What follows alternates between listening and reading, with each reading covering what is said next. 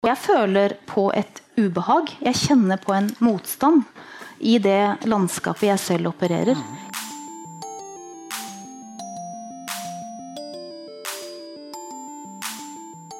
Hei og velkommen til Sykepleiens podkast. Når er det nok?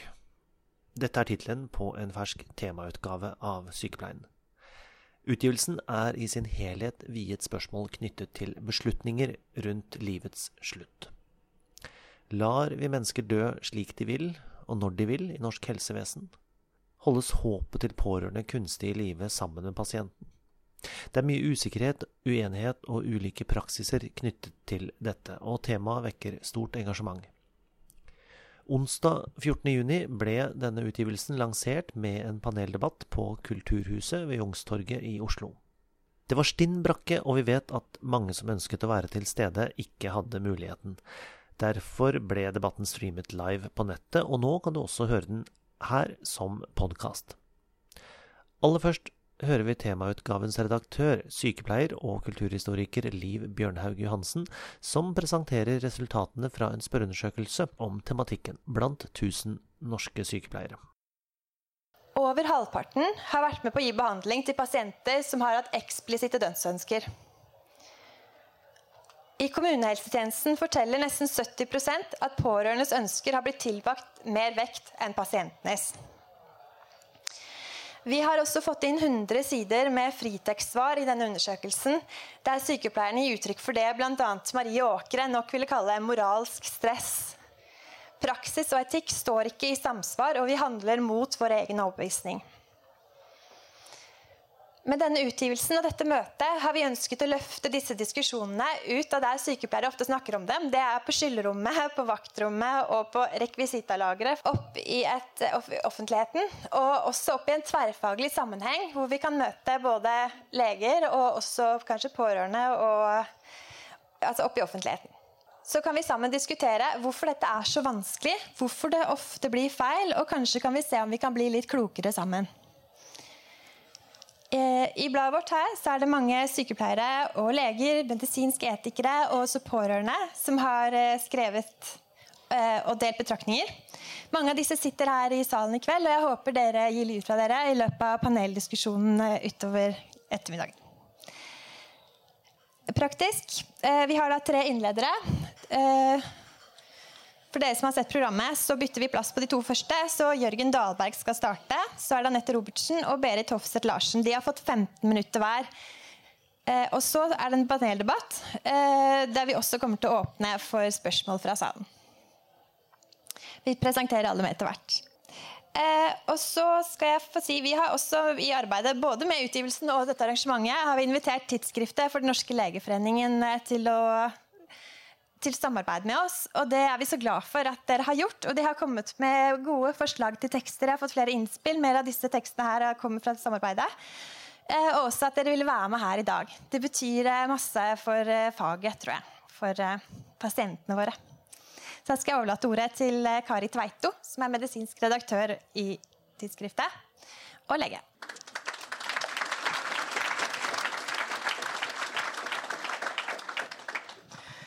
Vi i tidsskriftet er veldig glad for at dere inviterte oss til å være med på dette samarbeidet. Det syns vi var et flott initiativ. For dette er et tema som vi alle sammen eh, er opptatt av, og bør være opptatt av. Eh, hvordan vi kan skape, som Bent Høie sier, en pasientenes helsetjeneste. Som er en best mulig helsetjeneste for pasientene i alle faser av livet. I dette nummeret av tidsskriftet så har vi på lederplass um, en leder av kirurg Jon Arne Søreide, um, som er uh, kirurg, sa jeg det, og professor ved Universitetet i Bergen. Han spør uh, er det slik at viktige verdier går tapt i dagens helsevesen. Og jeg tenkte jeg skulle lese et lite utdrag fra den lederen.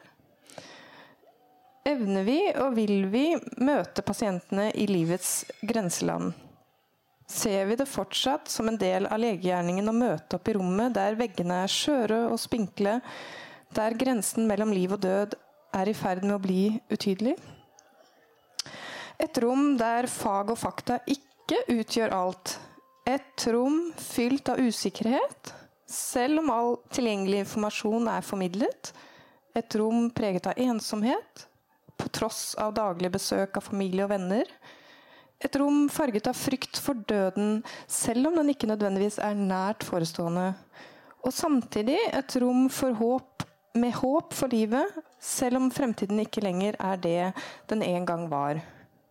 Eller er det en elefant i dette rommet? Kan det tenkes at vi som profesjon er i ferd med å innta en slags kollektiv dødsforakt? Menneskenes liv poleres og skrines i håp om redusert risiko og høyere beredskap for det uforutsette. Legelivet struktureres innenfor rammeverk, forskrifter, handlingsplaner og pakkeforløp. Og underveis i prosesser på mange plan står vi i fare for å miste noe av det som står vi i fare for å miste noe av det som en gang motiverte oss til å bli leger. Han skriver fra legeperspektivet, men som sagt, dette handler om alle profesjonene i helsevesenet. Og med dette så vil jeg oppfordre til å kjøre debatt. Eh, første innleder er Jørgen Dahlberg. Han er eh, utdannet advokat og lege, holder på med en spesialisering innen anestesiologi. For tiden så er han klinisk stipendiat ved Akershus universitetssykehus og med tilknytning til Senter for medisinsk etikk ved Universitetet i Oslo. Vær så god. Jeg har en ånd Om virker. Det gjør den. Supert. Hjertelig takk. Jeg har jo fått uh, vanvittige 15 minutter å snakke om juss og etikk på. Så um, jeg må jo erkjenne at jeg har tenkt å uh, prate litt mindre om det som er vanskeligst, nemlig etikken, og så prate litt mer om det, folk stort sett sliter med å stille spørsmål med, nemlig jussen. Um, men kanskje begynne med etikken. og Den vanlige innledningen jeg kan kanskje legge til at jeg sitter i klinisk etisk komité um, ved Rikshospitalet Radiumhospitalet. og Der har vi jo mange av disse drøftingene som går i dette grenselandet mellom juss og etikk. Og um, en vanlig måte å tilegne seg eh, de etiske spørsmålene på er uh, gjennom fireetikkersprinsippene til Childress and Beecham. Som de har formulert i Principles of Biomedical Ethics. og det er mange som kjenner til disse her de fire grunnleggende hensynene vi pleier å legge vekt på når vi driver helsehjelp. Uh, og det viktigste, og det som kanskje er uh, liksom litt av hovedtemaet for uh, Han har heldigvis fått en sånn som jeg kan drive og vifte med her også. for dagens debatt, det er jo temaet autonomi. Retten til selvbestemmelse. Og det er av noen sagt at kanskje er det viktigste av de hensynene vi har. Men når vi får spørsmål om å gripe inn i autonomien, så er det ofte et spørsmål i forhold til avveining av noen av de andre hensynene vi trenger å legge vekt på. Og da er det gjerne formulert som spørsmål om å kunne gjøre godt, beneficence. Uh, kravet til ikke å skade, non-maleficence, og hensynet til rettferd, justice. Det er en uh, filosof, uh, Syse, tror jeg det er, som har formulert setningen om at juss er i prinsippet størkna etikk. Jeg er litt usikker på om jeg er enig i det, men jeg skal nå prøve på en sånn kort liten juridisk kavalkade her. Hvor jeg skal gå gjennom litt av dette regelverket og forhåpentligvis kanskje kunne peke på noen av de etiske hensynene som ligger bak det. Um, og um, Regelverket innenfor helseretten har eksplodert de siste 20 årene. Vi har fått utrolig mye lover, regler, forskrifter, rundskriv som vi alle forventes å forholde oss til. Og som nesten ingen, meg inklusiv, har oversikt over. Allikevel er det slik at um, det er ingen unnskyldning å ikke kjenne til regelverket. Uh, og nå skal jeg da forhåpentligvis kanskje greie å peke på noen av de mest sentrale bestemmelsene i forhold til kveldens tema. Um, Lovgiver har funnet ut at det er et poeng å dele somatikk fra psykiatri. Man kan jo stille seg spørsmålet hvorfor. Men eh, for å avgrense mot eh, psykiatrisk behandling, så er det da slik at de mest sentrale bestemmelsene for helsepersonell innenfor somatisk helsehjelp er formulert i helsepersonelloven og pasient- og brukerrettighetsloven. Så finnes det masse andre spesialoverbestemmelser. selvfølgelig. Disse lovene er igjen utartet slik at de har innledende generalbestemmelser som sier noe om hva som forventes av oss, eller hva slags rettigheter pasientene har. Og så kommer det spesialbestemmelser utover i regelverket. Så eksempel, I helsepersonellovens paragraf 4 så er det en generalbestemmelse som de fleste har hørt om. Altså kravet til at vi skal drive faglig forsvarlig og omsorgsfull hjelp. Og tilsvarende så finnes det en generalbestemmelse i pasient- og brukerrettighetsloven for pasientens rettigheter om at de har rett til øyeblikkelig hjelp og rett til nødvendig helsehjelp. Så er det videre utover i pasient- og brukerrettighetsloven formulert en, en, hovedregel for dette kravet om autonomi. Det er inntatt i pasient- og brukerrettighetsloven paragraf 4-1. Hovedregelen om samtykke. Uh, nå er teksten her oppe, Jeg er litt usikker på om dette er synsbakord i salen, men jeg leser den. Helsehjelp kan bare gis med pasientens samtykke, med mindre det foreligger lovhjemmel eller annet gyldig rettsgrunnlag for å gi helsehjelp uten samtykke. For at samtykke skal være gyldig, må pasienten ha fått nødvendig informasjon om sin helsetilstand og innholdet til helsehjelpen. Så dette her er altså den juridiske formulering til kravet for det informerte samtykket, som er basis for, i for seg all helsehjelp vi driver med. Og det denne bestemmelsen sier, er at vi har ikke anledning til helsehjelp uten samtykke, med mindre vi har en spesifikk lovhjemmel for noe annet. Og Det er jo disse unntakene som blir interessante her i kveld. De unntakene som er aktuelle innenfor somatisk helsehjelp når det gjelder eh, pasienter som ikke evner å samtykke eller i disse vanskelige situasjonene, er prinsipielt todelt. Det er for pasienter som ikke evner å samtykke fordi de ikke har samtykkekompetanse. Det skal jeg si noe om først. Og så er det i de situasjonene hvor vi vurderer det slik igjen, at det er en nødrettssituasjon hvor vi har rett og plikt til å gi helsehjelp, uavhengig av hva pasienten måtte mene. Det er inntatt i helsepersonellovens paragraf 7. Dette Spørsmålet om samtykkekompetanse for å ta det først, er i utgangspunktet todelt. Det er et krav til alder, som jeg ikke har tenkt å si noe særlig om, utover å påpeke at i Norge er myndighetsalderen for helsehjelp 16 år, og så er det noen unntak opp og ned. Og så er det den andre delen som er det vanskelig å forholde seg til, nemlig bortfall av samtykkekompetanse, som er formulert i pasient- og brukerrettighetslovens paragraf 4-3 annet ledd. Og denne her bommer utrolig mange på i hverdagen, stort sett hele tiden. Dette her er jo en, en øvelse i å lese kondensert eh, juridisk språk eh, og få ut eh, alle de meninger som ligger der, så jeg tenkte jeg skulle ta en kort gjennomgang av denne ene setningen. Samtykkekompetansen kan bortfalle helt eller delvis. Første. Dersom pasienten pga. fysiske eller psykiske forstyrrelser, senil demens eller psykisk utviklingshemming det er det andre. åpenbart ikke er i stand til å forstå hva samtykke omfatter. Så i de situasjonene vi står overfor pasienter og lurer på kan denne best eh, pasienten bestemme selv, så er vi alltid nødt til å gjøre en konkret vurdering. Alltid, alltid en konkret vurdering. Det finnes ikke en sånn situasjon med kanskje noen veldig få unntak hvor vi kan si at pasienten er per definisjon ikke samtykkekompetent, eller er per definisjon åpenbart kompetent. Det er altså slik at Vi gjør denne vurderingen for hva samtykke øh, omfatter, og vi gjør, vurderer om det er helt eller delvis slik at pasienten forstår eller ikke. Så må det være slik at man har falt bort på bakgrunn av en eller annen form for patologi. Du mister ikke samtykkekompetanse på bakgrunn av normal alders, aldersdegenerative forandringer eller på bakgrunn av manglende språkforståelse osv. Og Det er da inntatt i denne formuleringen fysiske eller psykiske forstyrrelser, senil demens eller psykisk utviklingshemming. Det siste det er at vi skal være ganske trygge før vi sier at en pasient ikke kan bestemme sjøl. Det fremgår av denne bestemmelsen at det skal være åpenbart før vi kan legge til grunn at pasienten ikke får lov til å bestemme. Det er altså et beviskrav. Så er spørsmålet hva gjør vi da i de situasjonene hvor denne pasienten kanskje ikke evner å bestemme selv? Jo, da er det igjen en todeling. Da har vi et eget regelverk for de pasienter som ikke motsetter seg behandlingen. Altså pasienter som samarbeider, selv om de ikke skjønner hva de samarbeider til. Og det er da inntatt i paragraf 4-6. Hvis det er et lite inngripende tiltak, typisk stell, så kan det besluttes av den som yter helsehjelpen. Hvis det er et alvorlig inngrep, og det er alt av reseptpliktige medisiner, alt som går gjennom huden og jeg pleier å si Hvis du først blir lagt inn på et sykehus, så kan du gå ut fra at det er et alvorlig inngrep.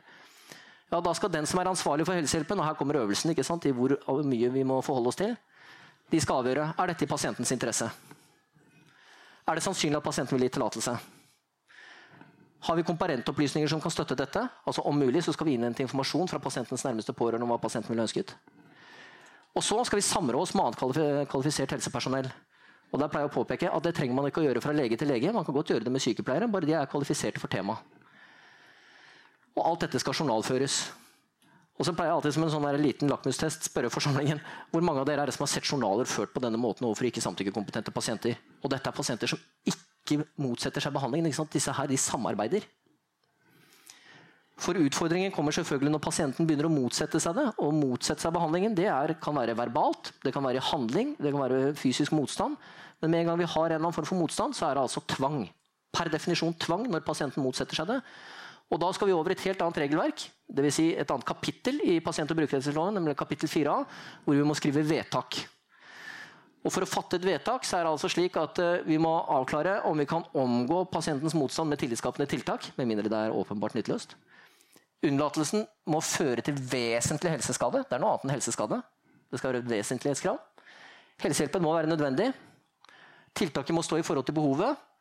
Og det må fremstå som klart beste løsningen etter en helhetsvurdering. Alle disse vilkårene må være oppfylt. Det er altså utgangspunktet for pasienter som ikke evner å samtykke, som enten samarbeider eller ikke samarbeider. Men så har vi altså et annet hovedunntak for pasienter som ikke øh, nødvendigvis øh, også som kan ha behov for hjelp, og det er nødrettsbestemmelsen i helsepersonelloven. Helsepersonellovens paragraf 7 som uttrykker at helsepersonell skal straks gi den helsehjelp de evner, når det må antas at hjelpen er påtrengende nødvendig. Så vilkåret her er påtrengende nødvendig. Med de begrensninger som følger av pasient- og brukerrettighetslovens paragraf 4-9, skal nødvendig helsehjelp gis selv om pasienten ikke er i stand til å samtykke, og selv om pasienten motsetter seg helsehjelp. Ved tvil om helsehjelpen er påtrengende nødvendig, skal helsepersonellet foreta nødvendige undersøkelser.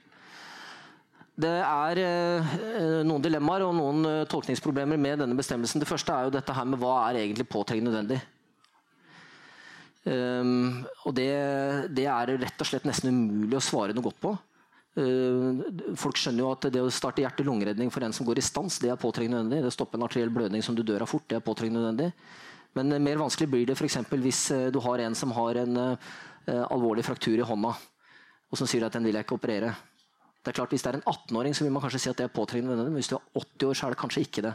Man har masse sånne grenselinjer som lovgiver stort sett har sagt at vi får overlate det vi får overlate det til den kliniske vurderingen for helsepersonell. Det som er En annen utfordring med denne bestemmelsen, det er det at det er en pliktbestemmelse som pålegger oss å gi helsehjelp selv om pasienten ikke er i stand til å samtykke, og selv om pasienten motsetter seg helsehjelpen. Skal vi se, ja. Det innebærer hvis vi ser på en sånn matrise, hvis du har en pasient som kan samtykke, og som ikke motsetter seg helsehjelpen, ja, da er alt greit. Det er, det, er det informerte samtykket. Det, det trives vi stort sett godt med. Hvis vi har en pasient som ikke kan samtykke, men som ikke motsetter seg, en litt sånn forvirra pasient som sier at det er greit, jeg skjønner ikke hva du driver med, men det er greit. Ja, ok, det, det, Vi føler ofte at det er godt hvis vi tenker at dette her gjør vi for pasientens beste og vi ivaretar alles interesse i dette her. Hvis vi har en pasient som ikke kan samtykke, og som motsetter seg helsehjelpen, ja, det er den typisk kapittel 4A-pasienten. Men her er det da ved påtrengende nødvendige situasjoner. Det føles noen ganger ubehagelig å bruke tvang på sånne mennesker, men så tenker vi at de skjønner ikke hva de motsetter seg. Så da er det kanskje greit. Det spesielle med nødrettsbestemmelsen som vi har i norsk helsepersonellovs paragraf 7, det er det at vi har anledning til å bruke den boksen her også. Det gjelder, tror jeg, omtrent alle i denne salen her sånn. Hvis noen av dere får behov for påtrengende nødvendig helsehjelp, så er altså alle de andre i salen her som er helsepersonell, pålagt, har en plikt, til å gi helsehjelp selv om du skulle ønske å motsette deg det.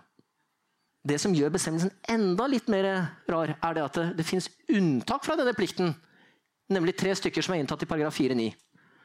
Et unntak som vi syns er åpenbart, som er informulert i annet ledd, hvis du er døende. Alle syns det er naturlig. Jeg skal dø. Hvis stopper, hvis hjertet mitt stopper, så la meg få dø nå, istedenfor å vente tre-fire uker til når kreften endelig har spist opp resten av kroppen min. Det forstår folk. Det de fleste syns kanskje er vanskeligere, det er at du i tillegg har anledning til å nekte eh, å motta blod. Så det fins ett spesifikt unntak for blod. Det, det praktiske er Jehovas vitner. Og det andre er hvis du finner ut at du skal sultestreike på bakgrunn av en eller annen alvorlig overbevisning. De to tingene de slår igjennom. Det som også er det vanskelige her, i tolkningen av dette med døende, det er hva er en døende pasient? Og Det er et ytterligere tolkningsproblem når det gjelder disse bestemmelsene. Det er det jeg hadde tenkt å si. Jeg tror jeg nå har spist omtrent de 15 minuttene mine. Så blir det mulighet for å stille spørsmål etterpå. Tusen takk, Jørgen Dahlberg. Da vil jeg gi ordet til Anette Robertsen, som er overlege på intensivavdelingen ved avdeling for anestesiologi Ullevål sykehus ved Oslo universitetssykehus. Hun arbeider med en ph.d. om eh, innen medisinsk etikk. Ok. Uh, jeg er sykehuslege. Uh, det er Jørgen også, selv om han nå snakket veldig som en jurist, da, syns jeg. Det vi snakker om i dag, det er jo omsorg i livets sluttfase. Men så er det også beslutninger som ligger forut for det. Og uh, i den verden som jeg er best kjent med, en intensivavdeling, så er jo noe av utfordringen at vi rett og slett ikke vet på en måte hva vi kan få til for pasientene. Og de kommer i utgangspunktet til oss for å få helsehjelp, og for at vi skal kunne stabilisere eller bedre tilstanden deres. Uh, men så viser det seg at noen av disse pasientene er eh, så alvorlig skadet eller syke at vi kommer over i en sånn omsorg i livets sluttfasesituasjon. Og da skifter hele fokus. Og disse to tingene de driver jo med på intensivavdelinger. Og leter egentlig hele tiden, hver dag, eh, etter et passende behandlingsnivå for den enkelte pasient. Det du ikke nevnte, det var jo at i tillegg til jussen så har vi et ganske viktig dokument i, i, i Norge som er eh, laget i 2007-2009 og revidert i 2013, som er den nasjonale veilederen for beslutninger når behandling, eller livsforlengende behandling, da, skal begrenses. Det handler da både om beslutninger hvor vi ikke lenger skal gi eh, dialyse eller respirator, eller eh, for så vidt også avstå fra Livsforlengende behandling er vel litt eh, vidt definert.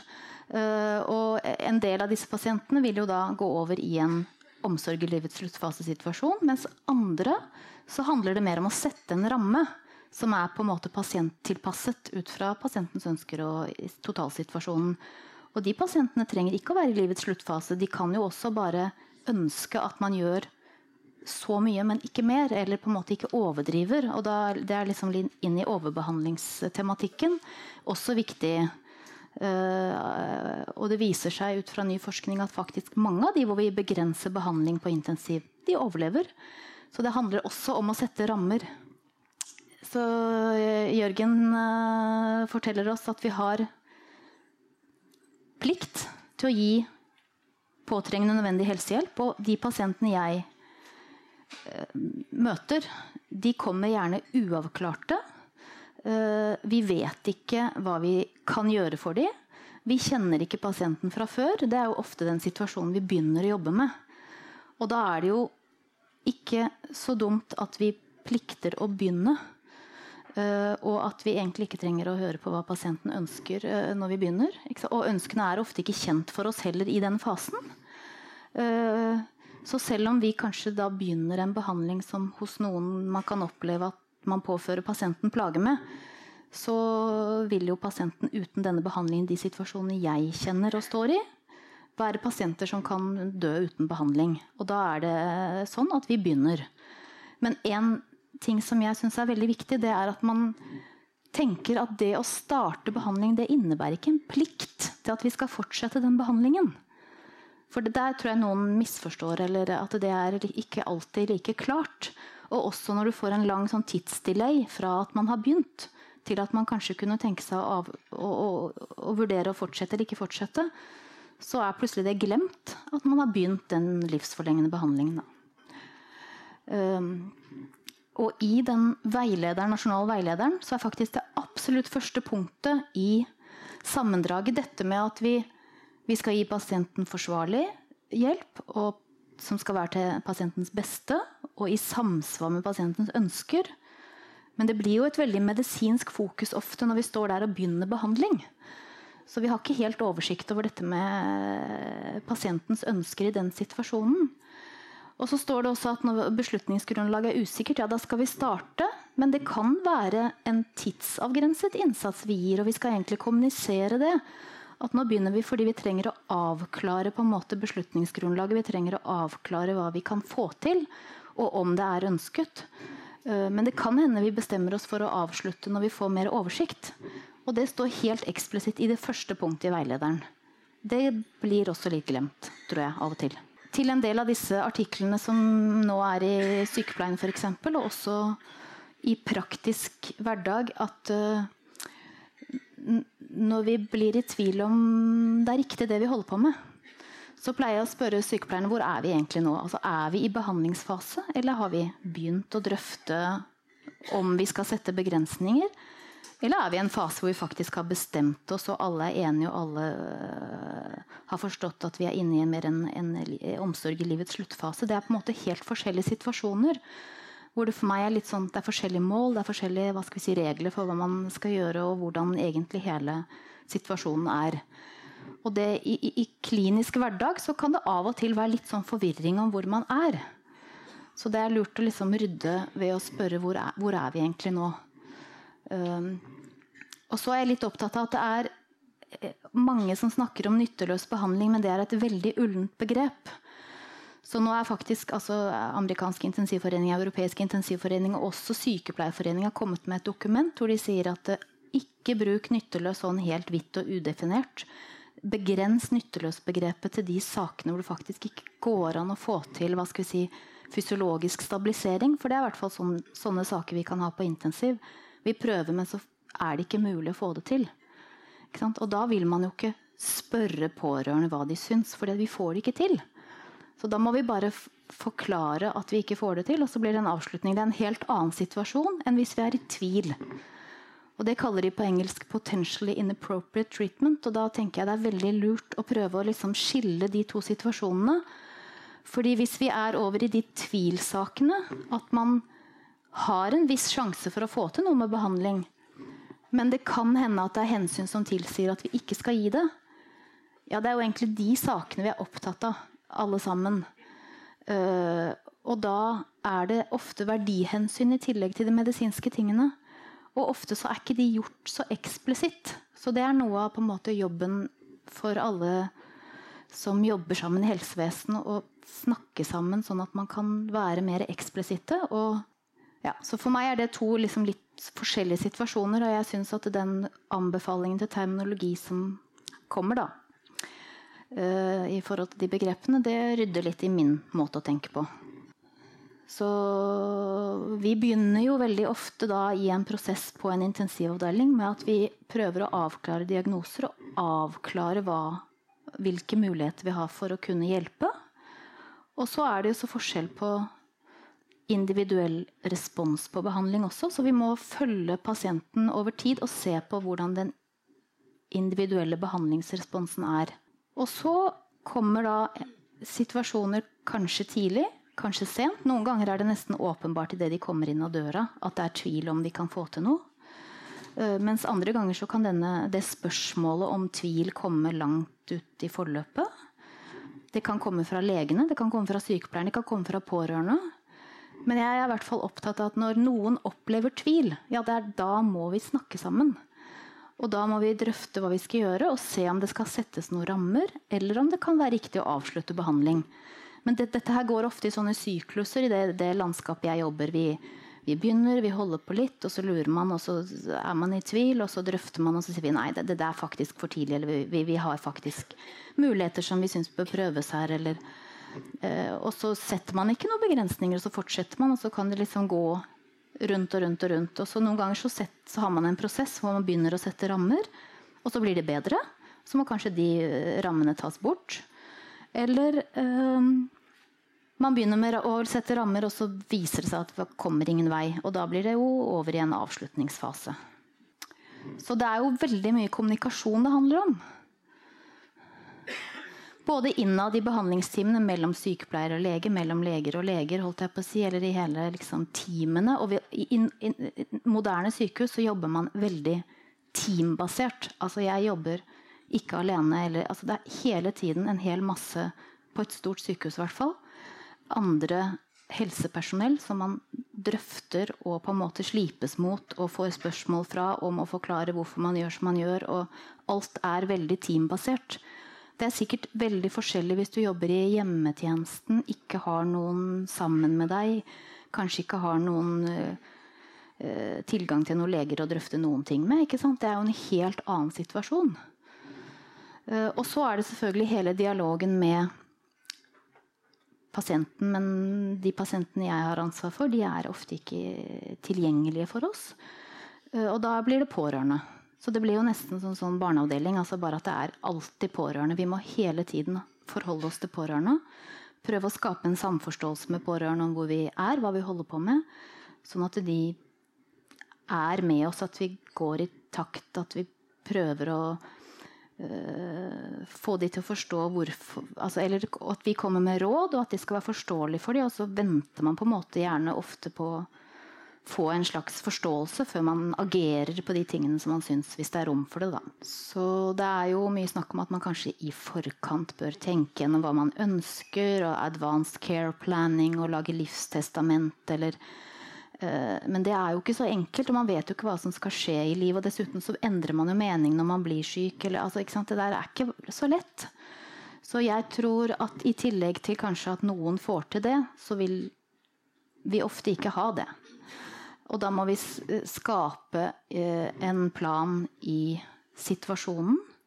med situasjonsdialog egentlig hele tiden. Og da, da er det denne ringen. altså Vi må på en måte se på de faglige tingene, hva vi kan få til, hva som er mulig, og hva som er riktig, og hva som den pasienten svarer på av behandling. Og så må man prøve å se om det er noen faktorer med den enkelte pasienten som på en måte er viktig for de beslutningene vi skal ta. Og så må vi jo gå i dialog med familien og prøve å hjelpe de få hjelp av de til å forstå om det er momenter som vi skal bringe inn som er av betydning. Og så lage en plan. Så må vi kanskje revurdere den planen, og så går vi rundt og rundt. og rundt. Det er jo sånn vi jobber. Sånn, jeg, sånn som jeg opplever det. Jeg syns det er litt interessant. Altså det er, dette er fra noe EU-dokument. Og de sier at av 80 millioner innbyggere i EU så Det er litt forskjellig juss rundt det med livstestamentet. Men det er nesten ingen som har det. Altså, sånn at det da uh, Only a tiny minority of the eight, uh, ja, 800 millioner innbyggere actually have advanced directive living will and uh, continuing power of attorney. Altså det betyr sånn utnevnt person som kan på en måte fortelle hva de mener. og det gjør det vanskelig, hvis ikke umulig, å ta deres tidligere uttrykte ønsker og ta hensyn til de. Og beskytte på en måte da hva skal vi si, menneskeretter og verdigheter. Det er vanskelig, for vi har ikke tilgang til de, Man vet jo ikke hva som livet bringer. ikke sant? Så, og dette er ikke bare uh, i Norge. Det er på en måte et, et uh, problem over, eller en utfordring da, overalt jeg oppdaget litt tilfeldig at faktisk nå har vi fått nasjonal kjernejournal. Der kan man skrive inn, dokumentere behandlingsbegrensninger som man har drøftet med allmennlegen sin. Legge det inn der. Få legen til å legge det inn der, sånn at det er tilgjengelig for eventuelt sykehusleger og sånn som plutselig står og får deg lagt inn midt på natten. Og vi på sykehus plikter jo nå å åpne nasjonal kjernejournal. Men dette her tror jeg nesten ingen, verken pasienter eller leger, egentlig er klar over. Og det er ganske nytt, og det er jo kanskje ikke rullet ut i hele Norge med det nasjonal kjernejournal, men det er ganske mange som har det uh, nå.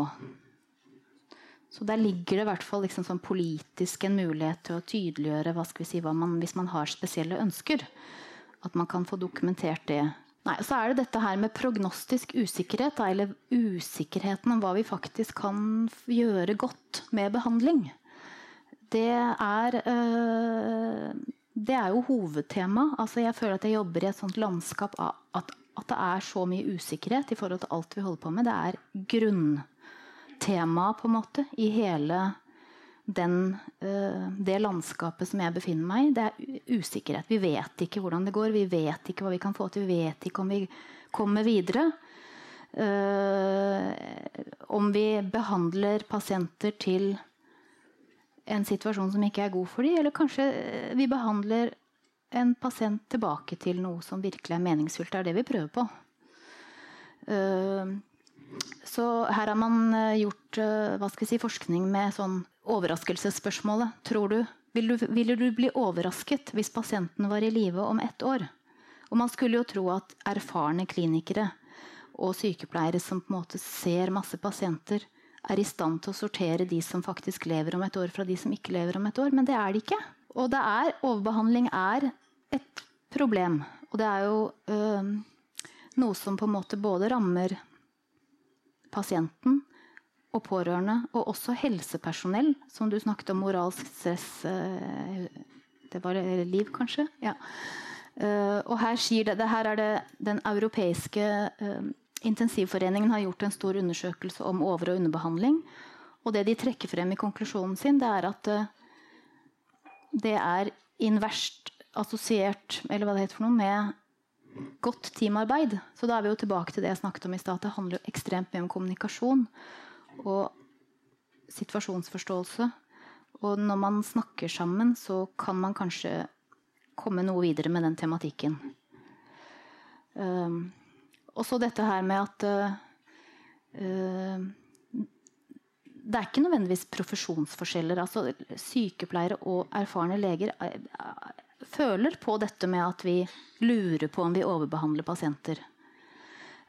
Kanskje yngre leger er mindre opptatt av det, ifølge disse funnene fra denne europeiske studien her. så sier de noe om årsaker, og da er det dette med sant, usikkerhet. Det er jo derfor vi overdriver, fordi vi er usikre. Uh, og kommunikasjon er viktig. Og så er det en ting som vi faktisk kan gjøre noe med, og det er dette med at uh, ingen tar initiativ til å utfordre det at man holder på, holder på, holder på. Så altså, det er jo det vi snakker om i dag, om vi kan begynne å på en måte ta initiativ, ta ansvar for å ta initiativ og gå inn i en dialog med på en måte de man jobber sammen med, eller familien eller pasienten. Eller, uh, det er et veldig viktig punkt. da. Press fra referring physician. Det var uh, sitter en kollega av meg her som snakket om det rett før jeg begynte. at det, altså, Noen ganger så kan vi oppleve at hva skal vi si, moderavdelingslegen kommer på intensiv og er mer ivrig enn det vi syns at vi må være de som sier hallo. Pasienten, Nå må vi sette oss ned og snakke sammen her, for dette ser vi at det, vi får ikke dette til, uansett hvor optimistiske dere er. Uh, men det er bare et moment, det er jo ikke noe sånn problem. Men det er et moment. At det er litt ulike, hjerner. man har litt ulike roller. da. Eh, tusen takk skal du ha, Anette Robertsen. Eh, da Nestemann opp er sykepleier. Vi skal over til eh, kreft. Eh, Berit Hofseth Larsen er spesialsykepleier med fagansvar ved Avdeling for kreftbehandling Oslo universitetssykehus, Radiumhospitalet. Hun har skrevet en mastergrad i sykepleiervitenskap med tilknytning til Senter for medisinsk etikk, som har den fine tittelen 'Hvem fører i livets dans?' med undertittel en kvalitativ studie av helsepersonells erfaringer med pasientinvolvering ved beslutninger om livsforlengende behandling. Hun snakker altså om autonomi gjennom, sett gjennom leger og sykepleieres eh, blikk. Oi. Takk for det. Da har du introdusert meg grundig. uh, dette at pasient pasientens stemme også skal ha en betydning i beslutninger om behandling, det har jo blitt en helt sentral verdi i helsetjenesten som er nedfelt i lovverket, i faglige og etiske retningslinjer og i politiske styringsdokumenter. Og veilederen som Anette allerede har snakket varmt om, den understreker at pasienter som ønsker det, også skal ha anledning til å si noe om sine ønsker og verdier også mot livets avslutning. Og det er klart at her har vi som helsepersonell en helt sentral rolle. Så hensikten med denne studien det var å få kunnskap om helsepersonells eh, perspektiver på pasientautonomiens betydning, men også vilkår ved beslutninger om livsforlengende behandling. Og Da var det naturlig å snakke med leger og sykepleiere som jobber i en kreftavdeling i spesialisthelsetjenesten. Eh, og Noe av grunnen til at dette blir krevende for oss, det er jo nettopp det at hensynet til respekten for pasientens ønske noen ganger kommer i konflikt med andre sentrale verdier i helsetjenesten. Og hva er det da som skal veie tyngst? Og hvem er det som skal bestemme det? Samvalg eller shared decision making innebærer at pasient og lege deler informasjon av både medisinsk, men også personlig art, og sammen fatter en beslutning om hva som vil være den beste behandlingen i en gitt konkret situasjon. Og som du har snakket mye om, Jørgen eh, Et gyldig samtykke det krever at pasienten har fått tilstrekkelig informasjon og også har beslutningskompetanse. Eh, og det er jo krevende å skulle avgjøre det. Internasjonale studier eh, har vist at pasienter blir mindre involvert enn det de ønsker selv. Helsepersonell har også en tendens til å undervurdere eh, pasientens informasjonsbehov, og har også en tendens til å overvurdere hva pasient og pårørende har tatt inn over seg. Så det vi ønsket å få vite noe mer om, det er hvordan ser dette ut i en norsk kontekst. Hvordan ser det ut på våre sykehus? Um, hva er helsepersonells forståelse av pasientautonomi ved beslutninger om livsforlengende kreftbehandling? Hvordan eh, forteller de at de kommuniserer for å gi tilstrekkelig og tilpassa informasjon? Og hvordan beskriver leger og sykepleiere sin egen og de andres rolle i, i disse beslutningsprosessene? Det at pasienten skulle involveres i beslutninger om behandling, det mente både alle deltakerne, både leger og sykepleiere, at det er en soleklar selvfølge. Eh, og som en av legene sa, det er noe vi alltid gjør. Samtidig var legene veldig tydelige på at medisinske beslutningsansvaret det ligger hos dem. Pasienter kan ikke kreve enten nytteløs behandling Eh, som er jo et tvilsomt begrep, da, eh, Anette. Eller behandling som man mener er eh, uforsvarlig. Så det er i grunnen ganske i tråd med den juridiske forståelsen. Når det gjaldt vurdering av samtykkekompetanse, så snakket legene ganske lite om det. Men noen sa at de syntes at det var veldig krevende, fordi det var mange ting som kan påvirke beslutningskompetansen ved alvorlig sykdom. Men det var ingen av dem som nevnte at de brukte noen verktøy eh, til å hjelpe seg i den vurderingen. Når det gjaldt innholdet i informasjonen, eh, hva er det pasientene trenger å vite, så var legene opptatt av at eh, pasientene måtte ha grundig og god informasjon om sykdommen sin og om forventet behandlingsforløp. Eh, og det å gi behandling uten at pasienten var fullt informert, eh, det var helt utenkelig. Hva som ligger i fullt informert, det kan vi jo kanskje komme tilbake til i løpet av kvelden. Men de var i hvert fall eh, tilbakeholdne og veldig forsiktige med å gi informasjon om prognose og forventet leveutsikter. Eh, dette å tilpasse mengden informasjon, det var det mange av legene som, eller flere av legene som, som syntes var ganske vanskelig og krevende. Og særlig når pasienten ikke ville ha informasjon. For det å gi behandling uten at pasienten hadde fått informasjon, det er vanskelig. Eh, de var redd for å gi for lite, eh, og erfarte noen ganger innrømmet de, at noen ganger så informerer jeg kanskje litt vel grundig. Og en sa at han ja, etterpå kunne tenke at noen ganger så ble det mer forvirrende for pasienten enn oppklarende. De opplevde en konflikt mellom plikten til å informere og pasientens eh, opplevde behov. Det å gi ærlig og oppriktig og realistisk informasjon det blir holdt frem som et ideal både av leger og sykepleiere. Eh, og samt, man kan ikke late som det er kurativ behandling når det ikke er det. Det går ikke an. Eh, men samtidig så var det forbundet med en ambivalens, fordi at sannheten kan være så brutal. Sykepleierne eh, bekreftet at, eh, at pasientene ofte fikk grundig og god informasjon om sykdommen sin og behandlingen. Men de sa også at belastningene, omkostningene, ulempene ved behandling ofte ble underkommunisert. At nytten ved behandling ble overkommunisert, at det ble solgt inn med større optimisme enn det var grunnlag for. Eh, at eh, alternativene til tumorretta behandling ikke kom tydelig nok fram. Sånn at de opplevde at pasientene ofte ikke hadde et reelt valg. Eh, og de følte noen ganger at de var med på å holde pasienten for narr ved at de visste noe som pasienten burde vite, men ikke visste. Det å tilpasse informasjon det er en krevende øvelse. Eh, fordi at pasienter har veldig eh, ulike ønsker og behov, men også forutsetninger for å ta til seg informasjon og bearbeide informasjon. Så det er en, virkelig en kunstutøvelse. Um, Sånn at legene brukte ganske mye tankevirksomhet og brukte en del strategier på hvordan de kunne kommunisere best mulig med, med pasienten rundt disse vanskelige temaene. Eh, som f.eks. å komme prøvesvar tidlig i konsultasjonen som pasienten satt og lurte på, det å åpne for spørsmål osv. Og Likevel så beskriver noen av sykepleierne at informasjonen ofte bar preg av en enveisstrøm fra lege til pasient, med ensidig fokus på medisinsk informasjon. Eh, og at pasientens egne spørsmål, bekymringer og tanker rundt sin situasjon i liten grad ble etterspurt.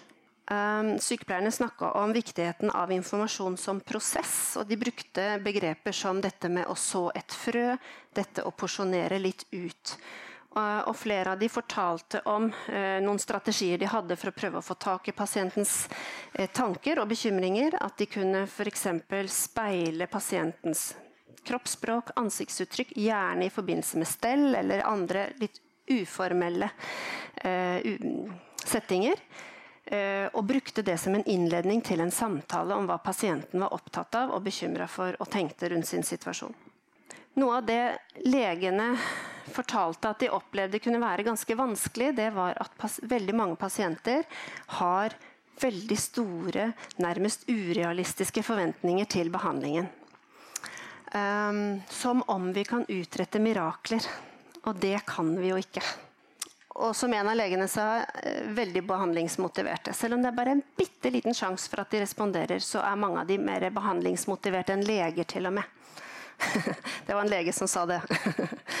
um, ja. Og sykepleierne kunne være bekymra for at man ved å gi etter for pasientens ønsker noen ganger gjorde dem en bjørnetjeneste.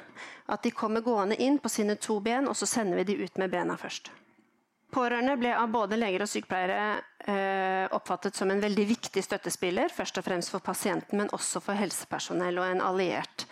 Um, og det var viktig å ha de med, og det gjorde, inviterte de oppmuntra til å ha de med i samtaler. Og um, allikevel så kunne pårørende um, ofte være vel så sterke pådrivere for uh, behandling, og de sa noe om det. Det der med å, å gi slipp på en av sine nærmeste, det, det er selvfølgelig forståelig at det er vanskelig. Så legene uh, beskriver at de opplever at de står i et ganske sånn stort forventningspress eh, fra pasient og ikke minst pårørende, men også fra samfunnet og eh, i befolkningen generelt. At det forventes at de skal fikse problemet. Og det er også en forventning man har til seg selv. Um, og det der å være den som skal felle dommen over liv og død, det er ganske belastende. Um, og veldig vanskelig rolle å ha.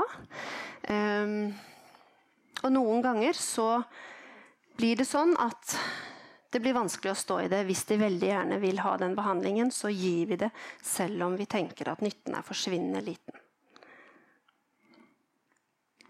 Sykepleierne, de, særlig på sengeposten, beskriver at de inntar en litt sånn mellomrolle. Eh, at som tolk, eh, ved å prøve å oversette det legen sier, til pasienten, sånn at de skal forstå det. Men de var også opptatt av å formidle til legen det de mente var pasientens interesser, og det de opplevde at pasienten var opptatt av og bekymra for og tenkte om sin situasjon. En annen ting de var opptatt av å formidle til legen, det var pasientens funksjonsnivå og allmenntilstand og vilje og ressurser til å kunne gjennomføre behandling, som de mente ofte ikke ble tatt nok hensyn til. Sånn at de følte et stort ansvar for å på en måte tale pasientens sak eh, i mange sammenhenger. Eh, og at det kunne være en litt ubehagelig rolle å ha. At man følte seg som en litt masekråke noen ganger når man skulle ta opp dette. Barrierer for kommunikasjon at en av de er tidspress, det er vel ingen stor overraskelse eh, at disse også opplever at det er klart at det er utrolig krevende når du har en halvtime på poliklinikken, du er forsinka allerede, eh, du skal ta imot en pasient du kanskje ikke har sett før og bli kjent, og så skal du informere, og så skal du ja, undersøke og diktere etterpå. Skal, ja, det er lett å bare kjøre gjennom heller enn å, å stoppe opp og, og ta opp de vanskelige temaene. Eh, noen av de litt mer erfarne overlegene hadde kanskje litt mer på en måte pondus og trygghet i forhold til det der. Vet du hva? De samtalene tar den tiden det tar. Så de hadde nok en større trygghet på å rydde rom når de så at det var behov for det. Eh, sykepleierne var eh, opptatt av, og selvfølgelig sikkert legene også, men det var, men det var lege, sykepleierne som på en måte sa noe om det. Dette med betydningen av, av, kontinuitet. Hvor viktig det var for å kunne opparbeide den tilliten som er nødvendig for å kunne snakke om og komme inn på disse vanskelige temaene. Og at det er en utfordring når en ikke får det til, og de møter en ny lege hver gang. Eh, noen avdelinger får det til, og andre steder vet vi at det kan være en kjempeutfordring. Og dette med faglig kompetanse og trygghet, både faglig sett, men også rent menneskelig mot, altså, øh, det er også en viktig forutsetning for å kunne snakke med pasientene om dette. Um, og samtidig så vet vi jo uh, at dette er noe som kanskje er for lite vektlagt i både utdanningen og i klinisk praksis. At dette er noe vi trener for lite på. Um, vi på en måte regner nesten med at det er en medfødt egenskap som vi enten har eller ikke har. Um, og kanskje har vi noe å gå på der i forhold til å øve mer. Så litt sånn oppsummert. Vi starta med at både leger og sykepleiere mente at det var en helt selvfølge at pasienter skulle medvirke i beslutninger om behandlingen. Og likevel så vet vi at, eh, sikkert fra vår egen praksis der hvor vi er også, at det noen ganger er et sprik her mellom dette idealet, og at det kan være vanskelig å realisere i praksis. Enten ved at informasjonen blir utilstrekkelig, lite tilpassa, eller biased i retning av eh, det man selv tenker er riktig. Noen ganger så tillegges pasientautonomien for lite vekt ved at den får for lite informasjon. Andre ganger så tillegges pasientautonomien for mye vekt ved at en, øh, ved at den gir etter for behandling som en kanskje innerst inne tenker at ikke er eh, godt nok faglig fundert. Eh, og i begge tilfeller så trekker det i retning av mer behandling. Så Hvor mange leger er det i salen? Det er noen. Det er veldig bra. Lytt til sykepleierne. Det Kan være, de kan ha viktig informasjon om pasientens tilstand, uh, og også pasientens preferanser, som kan være viktig å lytte til. Hvor mange sykepleiere er det i salen? Bra. til dere slutt å snakke på skyllerommet. Ta ansvar. Bring dette inn i det tverrfaglige diskusjonen. Ehm, det tror jeg vi alle er tjent med, og, det, det, tror jeg også legene faktisk setter pris på. Eh, vi har gjort altfor mye av å sitte på vaktrommet og sutre over legene. Eh, de håpløse legene som ikke kan sette foten ned og ta en beslutning. Er, vi må ha respekt for at det er vanskelig og krevende, sånn at vi må hjelpe hverandre her. Er det noen ledere i salen? Ja. Um, take home message til dere. I dag så mener jeg at det er for lite kultur og for lite arenaer, fora, for å få konstruktive og gode diskusjoner i den kliniske hverdagen i forhold til dette. Gjør noe med det. Og sørg for kontinuitet i pasientrelasjonen. Det går an. Um, til oss alle. Det handler om kommunikasjon, Anette. Du var inne på det. Um, og det er viktig, og det er krevende. Eh, så jeg har lyst til å avslutte med et sitat av George Bernard Shaw, som levde for en god stund siden, som sa at «The single biggest problem in communication is the illusion that it has taken place». Ja. Takk for meg. Ok, da har vi fått eh, tre gode innledninger som har gitt oss eh, litt bakgrunn. Da skal vi få et panel opp her. Og så har vi fått eh, diskusjonsleder Bart Tolens. Han er eh, ansvarlig redaktør i Sykepleien. Jeg er veldig glad for at han gikk med på dette her. da skal du få introdusere ja. panelet ditt. Så bra.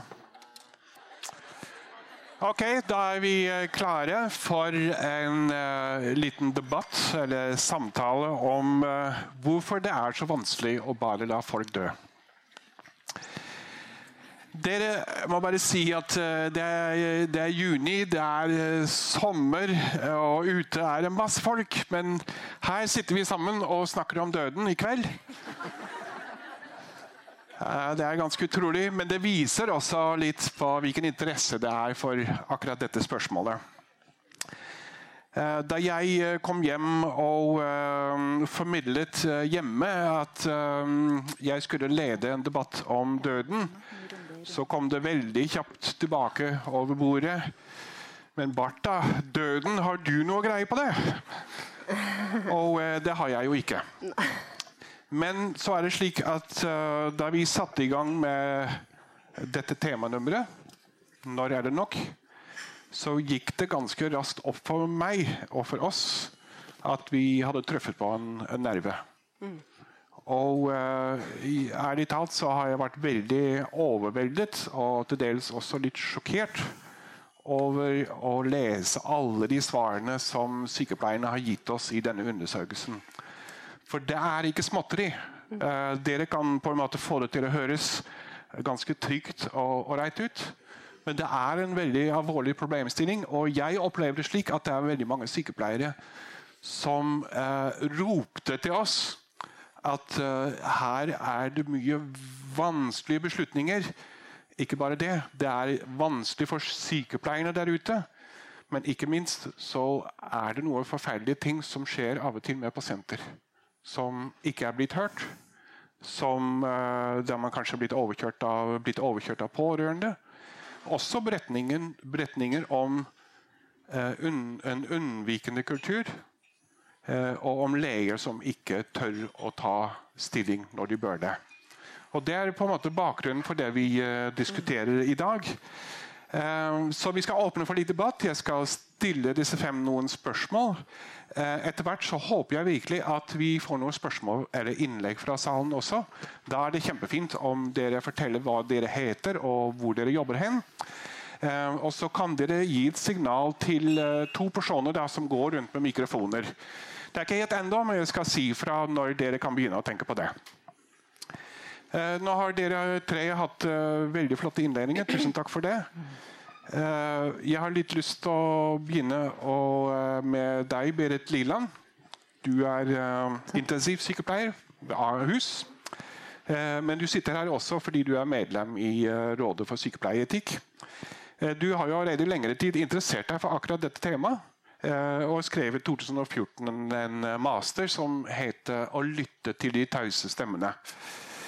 Eh, og jeg lurer på om du eh, sånn innledningsvis kan si litt om hva var det du prøvde å finne ut, og hva fant du ut, egentlig? ja. Um, å lytte til de tause stemmene, det henviser til respiratorpasienten som pga. behandlinga ikke har stemme men som må uttrykke seg på annen måte. Og det sier seg selv at det er ganske krevende. Både ikke minst for pasienten, men også for eh, sykepleiere og leger som skal, eh, og pårørende som skal kommunisere. Eh, det jeg så på, da, det var ivaretakelse av intensivpasientens medbestemmelsesrett i spørsmål som angår livsforlengende behandling og da sett i lys av sykepleiernes erfaring. Så det er intervjua ni intensivsykepleiere som hadde erfaring med, med pasienter der den problemstillinga var aktuell. Uh, og det er jo kanskje ikke så veldig mange pasienter det gjelder, men det er jo tross alt en del pasienter som faktisk, selv på intensiven, selv på respirator, kan være med å si noe om hva de vil ha av livsforlengende behandling. Det jeg fant da, det, det er det at uh, når samtykkekompetente Og det er jo fryktelig vanskelig å vite om en intensivpasient er samtykkekompetent med den uh, slitsomme behandlinga og all belastning, både fysisk og psykisk, og medikamenter. og sånt. Men de ble i hvert fall vurdert til å være samtykkekompetent. Så var de faktisk i stand til å si at nei, jeg vil at uh, respiratoren skal slås av. Jeg vil at dialysemaskinen skal uh, stoppes. Jeg vil uh, dø. Og det her var jo en prosess som da gikk over tid.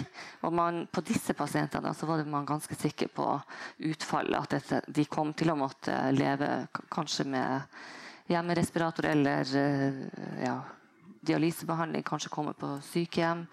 Og de var ganske klar på det at, Eller ikke ganske, de var klar på det at dette ville de ikke. Så da ble det, og det tror jeg alle som uh, jobber på intensiven vet, at det å avslutte livsforlengende respiratorbehandling på en våken pasient, det er, det er noe av det tøffeste man kan gjøre. Samtidig så sa de at dette var en veldig fin opplevelse. Og det ble en lettelse i hele situasjonen når ting ble avklart. Eh, så var det jo også da situasjoner som som kanskje er veldig aktuelle nå i kveld, da, som vi snakker mye om, det er jo når medbestemmelsesretten ikke ble overholdt. Og det var det jo også en del av de som, som hadde opplevelser med. Og det var jo ofte da at pårørende var pådrivere til at behandlinga skulle fortsette. Det gjaldt også pasienter som var våken og kunne bestemme sjøl. Men særlig for de som ikke hadde samtykkekompetanse, så var de pådrivere. Og det kan jo, i mange tilfeller kan jo det være bra. Men uh, ikke alltid når man kommer til veiskillet der skal vi fortsette eller ikke. Når man er i det som du kalte den tvilen. Ja. Uh, og det som, det som var når, I det som jeg snakka om først, at uh, når de fikk være med å bestemme, så var det en, en tverrfaglig prosess. Alle var involvert i det. Når den medbestemmelsesretten ikke ble overholdt, så var det en litt sånn rotete beslutningsprosess. Sykepleierne var ikke med på møter. De uh, de følte at de ble satt litt på, på sidelinja, og det var liksom manglende rutiner for eh, beslutningsprosessen. Ja. Um, var du overrasket over det? Over nei, nei, egentlig ikke. Nei. Dette er en erfaring som du hadde allerede da du begynte med denne masteren? Ja, det er det jo. Men du jobber da ved Ahus, det er et stort sykehus med stor intensivavdeling. Hva kommer det av at, at likevel slike ting kan skje? Uh, I din master så skriver du bl.a. om sykepleiere som selv mente at uh, intensivpasienten faktisk fikk nytteløs uh, behandling. eller livsforlengende behandling mot deres tidligere uttrykte ønsker. Ja. Mm. Det er en alvorlig sak.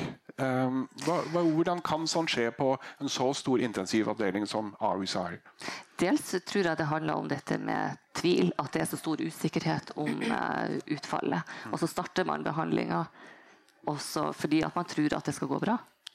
Og så eh, kommer man kanskje i en uh, situasjon der uh, tvilen gjør at man kanskje fortsetter lenger enn nødvendig. Og det må jeg bare si at det, det, jeg tror at De sykepleierne, når de ikke var med i prosessen, så visste de jo heller ikke hva som lå til grunn for at behandlinga skulle fortsette. Sånn at det mye handler om kommunikasjon. Jeg har bare lyst til å sitere hvis det er greit da.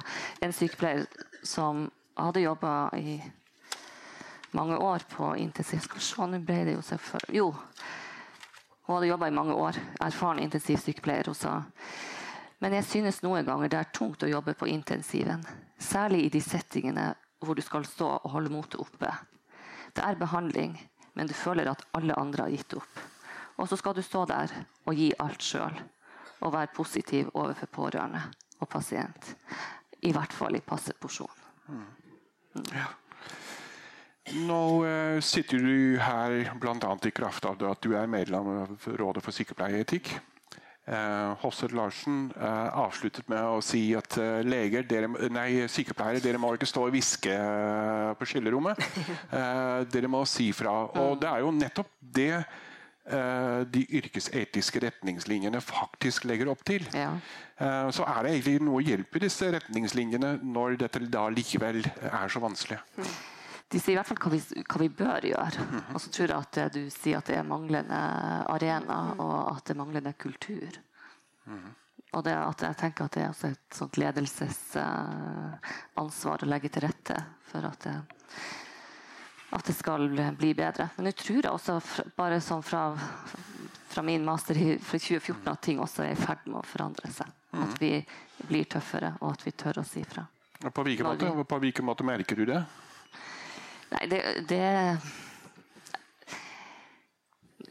at, at, vi trekkes mer inn, at vi blir hørt. Men det er klart at det krever også at sykepleiere setter seg grundig inn i pasientsituasjonen og uh, hva pasienten sier, hva pårørende sier. Altså hele situasjonen. Vi kan ikke bare si, komme og si at nei, vet du hva, nå syns jeg at dette går for langt. Mm. Man må ha litt mer å komme med enn en sine egne følelser. Ja. Dette er noe som du kjenner deg igjen i, virker det sånn? Ja, ja, absolutt. Støtter det veldig. At jeg tror at vi har eh, mye å hente på, vi mm. sykepleiere, på å bli mer eksplisitte mm. på de vurderingene som vi gjør, og det vi ser i forhold til pasientens både ja, funksjonsnivå og, og, vilje og ønske. Å bringe det, være med å bringe det inn i det tverrfaglige. Det mm. støtter jeg. Ja. Bra. Da var det Svein Aarseth. Du er uh, allmennlege. Du uh, jobber på et fastlegekontor på Frisja i Oslo. Og uh, du er leder for Rådet for legeetikk. Nå har vi jo gjennomført en undersøkelse blant sykepleiere. Og det er mange som har svart. Og du har sett litt på hva de har svart. Om vi nå hadde gjort en tilsvarende undersøkelse blant leger, mm. hva hadde de svart? Dette blir gjetting. Ja. Men jeg, jeg, jeg, tror nok at leger ofte kjenner på, på, ansvaret altså, som ligger i lover, regler, retningslinjer. Og, uh, og uh, at de derfor kanskje har vanskeligere for å avslutte enn å igangsette. og så er det vel antageligvis sånn, tror jeg, at uh, yngre leger synes uh, dette er vanskeligere enn eldre leger som kanskje tør å stå i uh, å ta sånne valg. jeg har aldri hørt om Eller det er sjelden man hører kritikk fra helsemyndigheter på at man har igangsatt behandling. Og det, liksom, det, blir også litt gærent på en måte, for uh, uh, overbehandling unødvendig jeg ser, altså I våre etiske regler så bruker vi begrepet 'hensiktsløs'. Det er en nyanse, men det er litt i samme gaten. at vi behandler han nær sagt for enhver pris på en måte for å forlenge liv. Uh, synes jeg er jo veldig krevende. Men så har vi jo da eh, Når det gjelder nye kreftmedisiner, så snakker man om å redde liv. Som om eh, alle liv kan vare i evighet. Og sånn er det jo ikke. Eh, så i, i min praksis Jeg har sittet der ganske lenge, og det betyr at mange av mine pasienter i den tiden er blitt tilsvarende eldre. og jeg har mange, mange gamle pasienter, og jeg har en størrelsesorden 50 som er innskrevet i og får tjenester fra hjemmesykepleie. Uh, og det er klart at de har masse kompetanse og kunnskap om, uh, om pasientene som jeg gjerne skulle visst mer om. Uh, nå bruker vi jo denne pleie- og omsorgsmeldingssystemet og det går litt mer, men jeg savner egentlig møteplassene. Eh, hvor man kan sitte og snakke om dette her. For meldinger frem og tilbake duger ikke. Man må snakke ansikt til ansikt og diskutere, tenker jeg. Eh, men jeg er jo helt enig i det flere har sagt her, at, eh, at leger bør bli flinkere til å lytte til sykepleiere og deres vurdering av, eh, av pasientene. Mm. Men det er klart eh, leger og sykepleiere har forskjellige roller. Ja. Uh, som Reidun Førde har sagt til oss, så uh, sier hun at uh, okay, sykepleiere har det nok enklere siden de ikke sitter med hånden på knappen. Mm. er det noe som du, som du kan skrive under på? Ja, nå er jo ikke jeg sykepleier, så hvordan det Hvordan, hvordan det føles å sitte med de beslutningene Jo, altså det, det, er klart at det er eh, man, man sitter, føler nok at man sitter med et større ansvar, men eh, det er jo masse ansvar i ethvert sykepleierarbeid også, men det er kanskje ikke så tydelig på en måte. Altså utad, da. Hvis du skjønner hva jeg mener. Eh, vi, vi har et slags, i større grad et formelt ansvar, og det tror jeg tynger leger i stor grad. Mm. Um, du har vært opptatt av at vi må være klare over hvor folk dør. Um, og at uh, veldig mange dør i dag på, på, på sykehjem. Eh, og at vi må huske det når vi diskuterer dette. Kan kan du utdype dette litt? Ja, altså, jeg bare spilte inn altså ca. 50% av oss hvis vi skal bruke dagens tall, som kommer til å dø på sykehjem. Så er det en størrelsesorden 30 som dør på sykehus, og så er det en del som dør hjemme, og noen dør andre steder. Uh, og det, og det, kommer til å bli flere tenker jeg, som kommer til å dø på sykehjem fremover. For sykehjemmene får mer oppgaver som følge av Samhandlingsreformen. Og da er man nødt til å bygge opp kompetanse, trygghet og sørge for at man har nok bemanning på sykehjemmene. Og jeg tenker at ofte så blir det uverdig når eh, døende pasienter sendes fra sykehjem til sykehus fordi man ikke har trygghet nok for å stå i situasjonen på, på sykehjemmet. Mm. Det, det syns jeg er litt viktig. Eh, hvordan er det med, selv, med deg selv? Du er allmennlege, du møter eldre pasienter. Eh, er du flink til å ta opp dette med, med dine pasienter? Jeg, med hånden på hjertet så kan jeg ikke si at jeg er flink til det. Eh, men jeg, jeg tar det jo opp i noen sammenhenger hvor jeg synes det er på sin plass. Og hjemmesykepleien ber meg av og til om å gjøre det, og så får jeg jo av og til svar fra pasientene som uh, man kan undres litt over. En som uh, var helt klart på at han ikke ville ha hjerte-lungeredning, uh, men på den annen side, hvis han skulle få en lungebetennelse, så ville han gjerne ha antibiotika. Altså, det handler om at på én måte så kan hverdagen gi en del, og på en annen måte så, så orker man ikke altså man, man, vet hvor store han er sagt omkostninger det er i, i, som følger med sånn avansert behandling som følger av f.eks. å bli gjenopplevet. Og, mm. og man blir kanskje foreldet, og man har jo uh, fått uh, en, uh, en, opplevelse som nok må gjøre veldig sterkt inntrykk. Eh, så det, På den annen side så er folk gått opp i 90-årene. Nei, jeg skal ha livreddende behandling. Så Men Aarseth, eh, sykepleierne de sier i denne undersøkelsen at det er så mange leger som syns det er så vanskelig å snakke om døden. Er det et inntrykk som du også har og kjenner igjen? Ja, jeg tror det er vanskelig for befolkningen generelt, og i større grad for leger enn vi skulle tro ut fra den jobben vi har. Eh, men der, vi gjemmer jo bort døden, og vi snakker ikke om døden. Og de færreste, som det sto i et av disse innleggene i denne boken, de færreste har jo og Det gjelder kanskje medisinstudenter gjennom hele studiet. De har ikke sett et menneske dø eller nettopp av død. Eh, de er for unge til å oppleve at eh, noen i egen familie er gått bort. Eh, hvis det ikke var en fjern oldemor. Altså, så de, har ikke noe forhold til at døden er en, på en måte død del av livet. Så, og det, det tror jeg skremmer mange. Mm. Anette Robertsen, du jobber på et sykehus og er lege.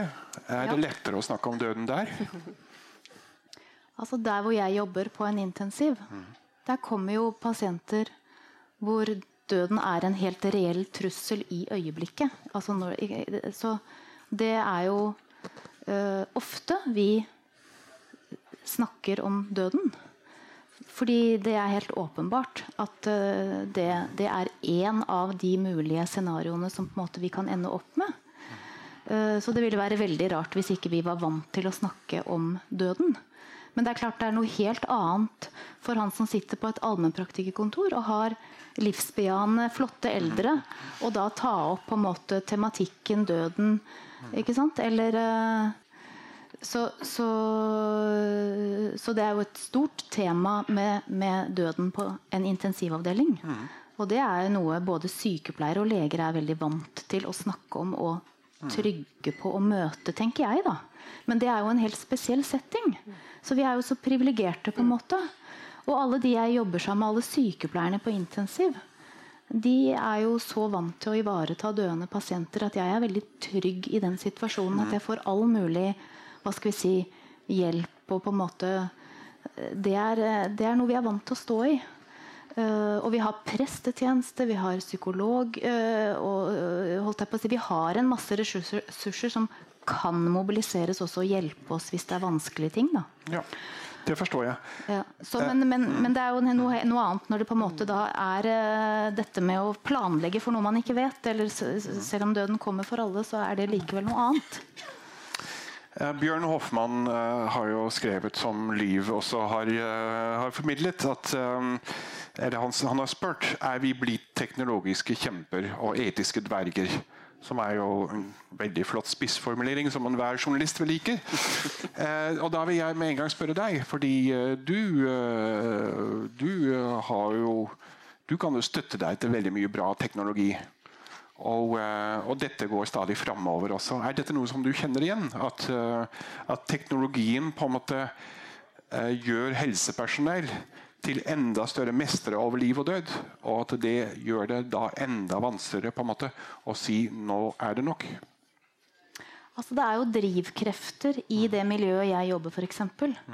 Hvor man er øh, Senest på hva skal vi si, morgenmøtet i går så var det snakk om en øh, ny sånn hjerte-lungeredningsmaskin som de kunne bruke inni trykktanken som vi har på Ullevål. Fordi at Hvis man får en hjertestans inni der, så er det en belastning for helsepersonell å stå og gjøre vanlig gjenopplivning. Så de må ha en maskin for å få til dette hvis det skulle bli en hjertestans inni en trykktank. Og da er det en som sier at Og det er jo pasienter ja, som sier da at øh, Men det er jo flott at vi har fått den muligheten. Ikke sant? For det er jo noen, en ung familiefar som dykker, og som kommer inn med trykkfallsyke og er i ferd med å dø hvis ikke vi behandler han i trykkammeret, og så får han kanskje en hjertestans der inne. Da, da er det fint å kunne gjøre det også. Uh, men så sier han jo også at uh, så får man jo på en måte og så får man heller vurdere. ikke sant? Og så får man heller, uh, altså, så, så, at det er drivkrefter som, som syns at det er fint når vi kan gjøre enda mer. Eller ECMO-maskiner, som er ganske ekstremt. Jeg husker når jeg studerte, det er en stund siden, så hadde vi forelesning om ECMO. Jeg tenkte bare hallo. Altså, Vi skal bli et eller annet alminnelige leger, og så driver de og har forelesninger om eh, ECMO. Som er en sånn hjerte-lunge-støttende maskin. Så både hjerte og lunge kan på en måte slutte å fungere en periode, og så kan du liksom ta over uh, alt. Uh, og det kan da enten være en bro til at pasienten henter seg inn igjen. En bro til at man kan få et transplantert et nytt organ. Eller at det bare er en bro inn i, i, døden, holdt jeg på å si. Men vi vet jo ofte ikke dette når vi begynner. Og da er det stadig en sånn utvidelse av hva skal vi si, de pasientene vi ønsker å tilby ECMO-behandling, da, f.eks. Og det føles jo litt sånn ekstremt. Så, så det er krefter selvfølgelig som da driver teknologien videre. Og det er på en måte ønsket, og så er det problemstillinger knyttet til det hele tiden. da. Men dette økende arsenalet for å, å stanse døden, eh, vil du si at dette også gjør rommet for skjønn på en måte mindre? Jeg tror man kaller det for behandlingens imperativ, har jeg lært fra Liv. At eh, når man vet at man kan gjøre noe, så, eh, så kan man nesten ikke la være å gjøre det. Tror ikke det er helt sånn at vi ikke altså, det, er klart det er mange som føler at det da er lettere å starte enn å ikke starte. og Gjøre et forsøk og se om vi kan få til noe innen en rimelig sånn tidsramme som faktisk er bra. Mm. Uh, og jeg vet ikke om det er feil heller. Uh, alltid. Eller jeg tror jo Det er jo ofte sånn vi jobber. Men det jeg da er opptatt av, det er at vi må jo også stoppe. Vi må revurdere, vi må stoppe og revurdere. Vi må stoppe og revurdere. Vi må ta den tvilen på alvor som kommer fra, fra kollegaen min, eller fra sykepleieren, eller fra pårørende, eller, eller fra meg selv. Eller, ikke sant? Uh, og jeg føler på et ubehag. Jeg kjenner på en motstand i det landskapet jeg selv opererer. Mm. I forhold til at vi holder på med ting som strekker ting veldig langt. Da. Mm. Det er snakk om å strekke ting hele tiden. Og jeg føler selv på en motstand i en god del situasjoner. Jeg tenker 'hallo, hvorfor gjør vi altså, det? Men det handler også om at vi ikke alltid har altså, Vi spør ikke hva er alternativet. Ja, så det er et mm. behandlings... Det er en drivkraft i forhold til å, mm. å behandle som er ganske sterk da, i et sykehusmiljø. Ja tror jeg.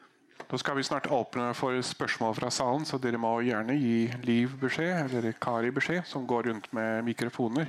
Eh, Jørgen Dahlberg, uh, nå har du hørt hva eh, Anette Robertsen har sagt. og Er det grunn for at sykepleiere og leger skal føle seg noe mer som etiske dverger, når teknologien bare pusher oss framover? Altså, um, hvis jeg skal svare på denne måten, jeg tror det at rommet for å sette seg ned og gjøre gode refleksjoner har blitt mindre av mange grunner. Eh, det ene er eh, behandlingsimperativet og teknologien som liksom gir oss denne verktøykassa som det er lett å ty til, for der ligger løsningene som vi har fått servert. Uh, og så er det dette ressursforholdet som vi har i helsevesenet om at alt, all, all, tid er penger. Så det at alt må liksom besluttes her og nå. Vi har liksom chop, chop, chop. Vi må av gårde. Um, og, så er det noe med den der ansvarspulveriseringen som jeg må si at jeg føler litt på i, i sykehusvesenet i Norge i dag. At uh, det er en pasient som blir syk hjemme og legges inn på et sykehjem, og der er det kanskje en sykehjemslege en gang i uken, men den som kommer nå, det er, det er uh, legevakta.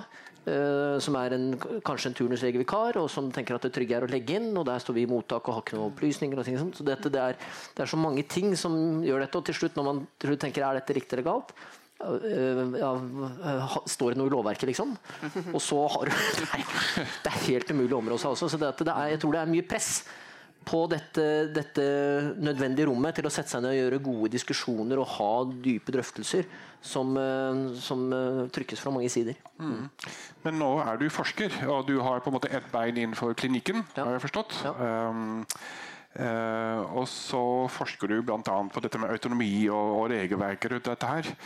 Og Tenker du at uh, sykepleiere og lege hadde hatt godt av å uh, liksom uh, lære mer om det regelverket som faktisk fins i dag, og kan bruke det mer aktivt? Ja, jeg gjør jo det. Eh, Spør en jurist. Ikke overraskende, kanskje. Jeg gjør det, men, eh, men, eh, la meg si det sånn. Det er ikke, det er ikke fordi at jeg syns at det, regel, det, å kunne regelverket i seg sjæl er, er, så vanvittig viktig. Det er nesten sånn at jeg blir litt redd for at man skal bli for fokusert på at man skal kunne jussen. For det som plutselig skjer, er at du begynner å fokusere på disse her bitte små unntakene, og så glemmer du liksom det å ta skrittet tilbake og se litt mer på de overordnede hensynene. Og er, man tenker jo som så at jussen skal være størkna etikk, så man skal liksom kunne finne fram til gode løsninger litt mer på, uh, på, på mer sånn eh, generelle vurderinger. Men jeg må jo si det, det har jo vært en erfaring i den forskningen jeg har sett på. Og så får jeg jo uh, unnskylde alle andre enn de som er kirurger, for det er stort sett kirurger jeg har sett på. Men det er jo uh, forstemmende hvordan spørsmålet om autonomi og selvbestemmelse stort sett handler om hvorvidt pasienten er enig med meg eller ikke. Og så mm. Er dette et kirurgproblem, tror du? Jeg skal være litt forsiktig med å stemple kirurgene nå, men ja, det tror jeg. Mm. Men Si litt mer om det. Altså, du har da eh, snakket med kirurger. og eh, Hva, hva kommer det av at de svarer slik? Tror, eh, det, det, de sier er det at Når vi får inn pasienter som er alvorlig syke, så er det jo stort sett en veldig grei løsning på temaet. Um, og det er om vi kan tilby behandling eller ikke. Og det å begynne å, En interessant ting de sa, det er det kan godt begynne å informere i dybden om ditt og datt, men det skjønner de ikke allikevel. Det sier de jo rett ut. Og så sier de da at så dette handler jo stort sett om å få forklart dem om at eh, dette her er eh, det riktige å gjøre. Og hvis vi har en klar løsning, pasienten ikke er enig, da er jeg stort sett litt tvilende til om de er beslutningskompetente. Altså. uh, men hvis de er enig i det, så er det greit. Og en veldig sjelden gang iblant så står vi der og så er vi kjempeusikre. Mm. Og da spør vi pasienten. Og, og, og, hvis pasienten og pårørende er enige med hverandre, så er alt greit. Og hvis ikke, så har vi et problem. Og da spør vi en venn. Mm. Mm. Mener du med det å si at uh, kirurger eller leger som informerer på en måte som gjør at pasienten faktisk ikke forstår det. At de, eh, at de opptrår i strid med eh, gjeldende regler.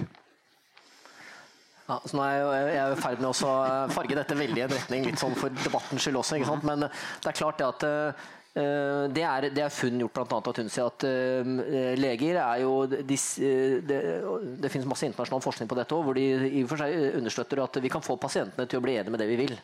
Mm. Fordi det ligger veldig mye føringer i hvordan vi gir informasjon. Uh, så det at det ligger en illusjon, er det mange leger som uh, henviser til i dette informerte samtykket. For det kan stort sett ofte bli et førende samtykke. Mm. Um, så der ligger det mye. Og, men, uh, og hvis du ser på lovens krav til informasjon, uh, så må jeg si at det er jo en av paradoksene i lovverket. At jeg syns jo ikke det lovpålegget er godt. Det pålegger oss jo å gi informasjon om uh, de vanligste bivirkningene og behandlingsresultatet. Men det er ikke gitt at det er det vi vil ha opplysning om. og vi er f.eks. pålagt å gi opplysninger om, om bivirkninger selv om pasienten i utgangspunktet ikke ønsker det. Eh, så det, eh, det, det, er jo et eksempel på det hvor jeg tenker at lovverket ikke nødvendigvis er, eh, er optimalt. da. Men jeg tror de fleste, det er mitt inntrykk av helsepersonell, og da må jeg jo særlig rose sykepleiere, at de pleier ofte å være flinke til å tenke liksom, hensyn rundt hva slags informasjon vi skal gi, og hvordan vi skal gjøre det. Og I det så ligger også i og for seg en oppfordring også til mine kollegaer at jeg tror det er mye å hente i bedre tverrfaglighet, og at folk kommer ut av skyllerommet. hvis det er det. Ja. Så bra. Da åpner vi for noen spørsmål. Er det lyd på det nå? Ja. Det er veldig mange av dere, så ikke vær sjenerte når dere skal tegne dere. hvis vi overser dere, så bare veiv. Da har Kari en der, og så har vi Karin Hake etterpå, og så har du tegnet deg. Ja, mitt navn er eh, Harald Furu. Eh, jeg har eh, vært pårørende i flere ganger. Mistet to koner av kreft, holdt på å miste datteren min. Og jeg har også selv fått en dødsbeskjed om at jeg skulle dø, men jeg er her. For det første vil jeg takke for at dere finnes. Dere gjør en fantastisk jobb. Men jeg er bekymret over den store forskjell det er mellom palliative avdelinger på forskjellige sykehus. Da min første kone døde, det var et mareritt. Holdt på å få feil medisin på dødsdagen. Eh, så giftet jeg meg etter noen år med en ny dame. da. Og så fikk hun kreftdiagnose året etter vi giftet oss eh, januar 2007 fikk jeg beskjed om at hun ikke ville leve ut året. Hun døde i 2014. Og da vi endelig fikk plass på Hospice Lovisenberg, da kunne jeg slappe av. Jeg følte at jeg kunne senke skuldrene. Det var helt fantastisk. Og det siste jeg vil si, er Jeg husker veldig godt to legesamtaler med tre-fire timers mellomrom. Den ene legen Legene formidlet akkurat det samme. Men den ene, etter den første samtalen så hadde min kone lyst på å få en sprøyte og være ferdig. Etter den andre samtalen så hadde hun lyst på å gå på fest. Ja, det er et veldig vanskelig dilemma dere har på hvordan dere skal formidle, og til hvem dere skal formidle. Takk. Takk skal du ha.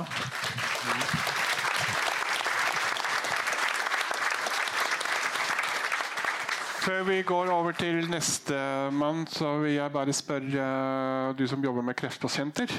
Eh, stemmer det at det er så stor eh, forskjell mellom forskjellige palliative avdelinger? Jeg skulle ønske jeg kunne si at eh, nei da, men det er jo din erfaring, og det er nok manges erfaring at det er forskjellig kompetanse. Og det er jo som det har vært sagt tidligere også, at mye ansvar flyttes også over i, i kommunene nå. og at en ikke har greid alle steder å bygge opp den kompetansen i palliasjon som, som en burde ha.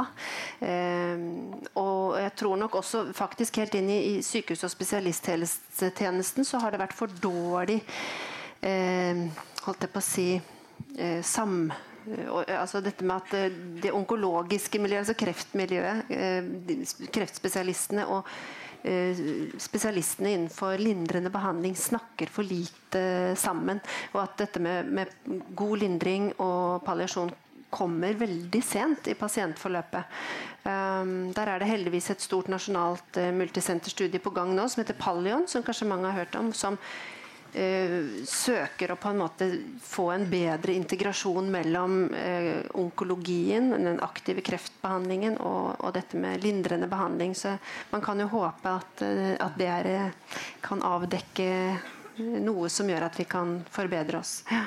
Takk skal du ha. Da går vi over til neste spørsmål. Kan jeg få lov å komme med litt? Ja, selvfølgelig. Vi snakker om denne behandlingsdriven, men jeg opplever jo ofte at vi kanskje ikke spør oss om det faktisk fins gode, reelle alternativer som vil være mer i samsvar med hva skal vi si, pasienten, hvor den er i livet, hvilken situasjon vi egentlig står overfor, hva vi egentlig bringer pasienten over til, og om kanskje man skulle tenke et mer palliativt løp.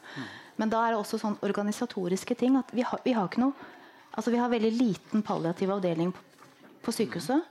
Uh, så, så, sånn at det, det alternativet Da blir det litt sånn for meg som lege på intensiv ja, Hvor skal den pasienten få, få det hen? Eh, altså, det er et slags vakuum som jeg føler på, eh, og som kanskje da kan bremse at man faktisk tenker og uh, gir uh, det palliative alternativet. Da. Mm. Flott. Beklager, vi avbrøt deg. Vær så god. Mm. Karin har ikke i denne sammenheng pårørende. Kan du snakke i mikrofon? Skyllerommet som møteplass, det skulle være veldig enkelt å gjøre noe med. Ja. men jeg savner felles møteplass for all, hele det teamet som er omkring pasienten. Og det teamet inkluderer også de pårørende. Og I den sammenheng vil jeg ønske at både leger og sykepleiere og pårørende selv ga uttrykk for den tvilen som ligger der. Ikke å bli møtt med 'vi har våre regler', altså bastante. De er like mye i tvil som en mor eller far eller søster eller bror. Eh, kom ut med den tvilen, ikke sitt og hold den inne. Det andre er, som jeg syns er for lite belyst her, i samtykkekompetanse. Ja vel. Men når du har et barn som datter som du ikke aner hvor i verden er altså, Det er ikke mulig å gi uttrykk. Det er ikke mulig å vite. Det er ikke mulig Hva da? Da kan du ikke snakke om samtykkekompetanse lenger. Eh, jeg er glad for at temaet er brakt på banen, og alle dilemmaene bør diskuteres enda mer. Takk.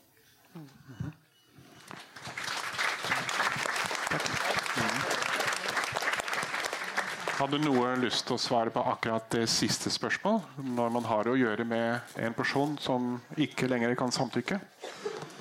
Kan jeg få si noe? Altså, du nevnte jo barn. Det er jo en altså, øh, og, hm? Voksent barn. Ok, da misforsto jeg det. Eh, for, for, for, barn som da er under 16 år, de er jo en veldig spesiell situasjon. Men det, det, det blir jo noe annet. Og da, da, må av og til helsepersonell, og det er i grunnen mitt poeng, på en måte snakke barnets sak, hvis det kanskje er på tvers av hva foreldrene ønsker. Takk. Jeg bare går rett over på det andre spørsmålet som ble stilt. For eh, Hvorfor er ikke de pårørende med i en sånn type dialog? Mm. Yes. Jeg tenkte på ja. Vi kan ta de samtykkekompetente først. ja. De samtykkekompetente, ja. Mm. Nei, ja, Da er det jo på en måte pasientens stemme selvfølgelig som er viktig. Men jeg tenker når pasienten ikke er samtykkekompetent, som ofte er i din situasjon, og som øh, ofte gjelder ved veldig alvorlig sykdom, så, så, er det jo kjempeviktig at, at man snakker godt med pårørende. Men det er også viktig at ikke pårørende på en måte får et inntrykk av at beslutningen er deres. Ja, sånn at det, det var bare Ja, så kan du få lov å mm. Mm. Ja, altså i, i mm. en, eh, hos en pasient som ligger i en intensivavdeling, der har vi jo ofte daglige samtaler med pårørende og er i en kontinuerlig prosess hvor vi på en måte prøver å snakke sammen. Uh, mens uh, jeg ser jo også hvordan ting utvikler seg i verden og på en måte i tiden. Og, og f.eks. Eh, I, i USA, da, for ikke nødvendigvis at det er noe eh, å se dit etter, men eh, der er, det, der er det veldig mye fokus på dette med familiesentrert behandling. Og hvor de har intensivavdelinger hvor de har med pårørende hvis de vil. Da. Det er på en måte valgfritt. Men på visitten, inne hos pasienten altså De i det hele tatt bygger intensivavdelinger hvor det er, på en måte er mulig å være mye tettere på den syke. da og da vil du også på en måte få mer fritt flyt av hva skal vi si, spørsmål og svar og alt mulig. Men det er klart det, det er jo kjemperessurskrevende også. Eller, men også er det noe med en kulturell sånn endring. Altså. Så jeg vet ikke hvor vi går, men jeg tror jo at vi på en måte er i utvikling i forhold til dette med, med dialog og involvering og som kanskje kan være positiv utvikling da, i forhold til uh, ja. Jørgen, ganske kort. Mm. Altså, lovverket legger jo opp til hvis du ikke har en samtykkekompetent pasient, at pårørende skal inkluderes i prosessen. Skal ha informasjon. Så der har vi mye å hente. Mm. Da var det neste spørsmål.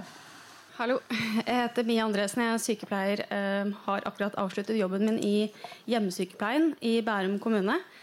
Jeg har et spørsmål, og jeg er veldig glad for at det er en representant fra fastlegene også, også her i kveld. For det er mye fokus på sykehus.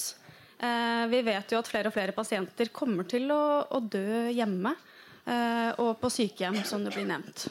Og jeg har vært nyutdanna i kommunen, og i løpet av de første seks månedene så hadde jeg seks pasienter som vi mista.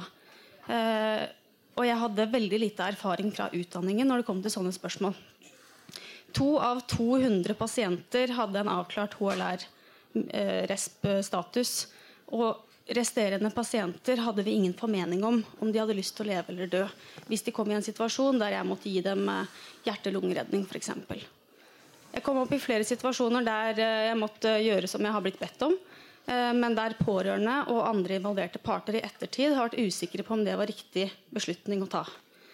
Jeg savner et samarbeid som det blir nevnt her, mellom stat og kommune, mellom de involverte partene i kommunen og mellom pårørende og de involverte helsepersonell i kommunen. Eh, vi vet at dette er et stort problem, og jeg savner et større politisk engasjement rundt disse delene og denne delen av diskusjonen. Så dere kan si litt om det. Samarbeid mellom eh, sykehus og kommune. Palliative team. Det er, lik, det er ikke likt praktisert i hele landet. Ikke engang likt praktisert i et fylke eller en kommune. kreftkoordinator er ingen selvfølge. Hvordan skal vi sikre riktig personell i møte med palliative pasienter i kommunen? Takk. Takk.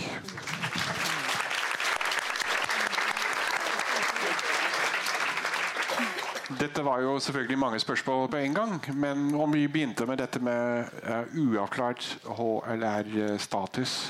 Uh, eh, hva kommer det av at du som jobber der du gjør, møter dette så ofte? Du ser på meg? Ja, jeg gjør det. eh, ja, altså det, det jeg, altså For det første så kan vi som fastleger helt klart bli flinkere til å ta opp dette, og gjerne i samarbeid med, eh, med hjemmesykepleien. Og så tenker jeg at uh, sykehusene kan være flinkere til å formidle det som er gjort og sagt og tenkt omkring det på sykehuset, til oss fastleger. Eh, sånn at vi kan bygge videre på det hvis det er gjort noe. Hvis det ikke står noe i epikrisen, så må vi anta at det ikke er eh, gjort noe omkring det. Altså, sånn må det jo være. Eh, så egentlig så er jo oppfordringen at man må jobbe eller samarbeide tettere og ha være flinkere til å bringe opp disse spørsmålene. og jeg, jeg, vil jo tro og håpe at uh, fastleger, hvis de får en sånn henvendelse fra hjemmebaserte tjenester, at de tar det alvorlig. Men på den annen side så tenker jeg ikke at det er naturlig for meg å, å gjøre det for f.eks. alle de pasientene som er innskrevet i hjemmesykepleien. For mange av dem er ikke der i det hele tatt. Så, men der, der, hvor hjemmesykepleien tenker at det er naturlig, og det vil jeg gjerne vite, så vil også jeg gjerne vite, sånn at jeg kan følge det opp. Mm. Mia, gjør dere det? Gjør hjemmesykepleien eh, Spør de fastlegene aktivt? Ja, altså, bare sånn svart kommentar til det. Altså, det vil jo variere veldig fra situasjon til situasjon, men et eksempel var en jeg har vært i en uh, situasjon der vi hadde en pasient som på sykehus var uh, eh, HLR minus. Men så kommer pasienten hjem, og han ønsker å få gjenopplivning. Uh, og selv i samtalen med fastlege så møter vi en skepsis til, til hvordan vi skal diskutere dette med pasienten. Og jeg opplever at det kanskje handler om nettopp det her med informert sam samtykke.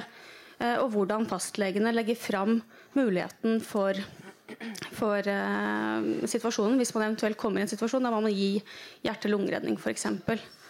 Så det varierer jo veldig fra situasjon til situasjon, men jeg har vært oppe i situasjoner der man ser at legen som da gir meg en en bekreftelse på at her er pasienten eh, i stand til å motta eh, livreddende behandling, eh, er i konflikt med det sykehuset har anbefalt kanskje dagen før. Det syns jeg er problematisk. Det er dårlig samsnakking mellom eh, nivåene.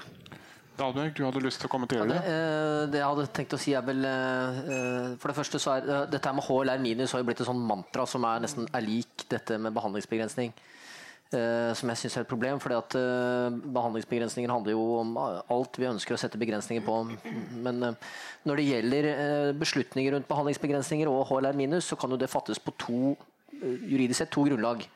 Én på bakgrunn av pasientens ønske, hvor, og det typisk vil være dette 4-9-unntaket, at pasienten er i en døende situasjon og ikke ønsker livsforlengende behandling. Og det andre er at det ikke er noen medisinsk indikasjon til IHLR. Uh, og denne veilederen uh, for uh, begrensninger i livsforlengende behandling sier en del om det. Og det er ikke gitt at Det er i alle fall ikke gitt at, vi, at, det er en informasjonsplikt der hvor vi setter begrensninger i behandlingen på bakgrunn av medisinsk indikasjon. Det kan være hva som helst. Det. Det er ikke, her er det ingen indikasjon for å gi penicillin, eller her er det ingen indikasjon for å gi HLR. Det kan, være, det, det, det kan, godt være at det kan foreligge bare for å spille litt inn. at Det, kan hende at det fins en, en, begrunnelse i det. Uh, at det er ikke gitt. Uh, men så er selvfølgelig, og det, det tror jeg vi skal anerkjenne er et stort problem, at det kan være naturlig i veldig mange sånne settinger også der vi setter det på bakgrunn av medisinsk indikasjon, og orientere pasienten om det. Selv om det er sånn, dette her gir ingen mening å gi deg behandling, så kan det hende at det er riktig, særlig når det står journalført HLR minus. Men det fins en del varianser i dette som, eh, som forvanskeliggjør det temaet. Ja. Men jeg oppfatter det også sånn at det er motsatt. At selv om eh, man ikke har fattet et HLR eh, minus-vedtak, mm. så betyr det ikke at man likevel kan bestemme seg for å avslutte behandling hvis man anser på, eh, som, som det som det beste for pasienten. Åpenbart. Ja. Mm. En liten kommentar. Ja. Um, jeg bare syns jeg hørte i stad at du sa at du hadde en pasient som ønsket å ikke bli gjenopplivet. Men så syns du det var litt rart at han likevel ville ha antibiotika.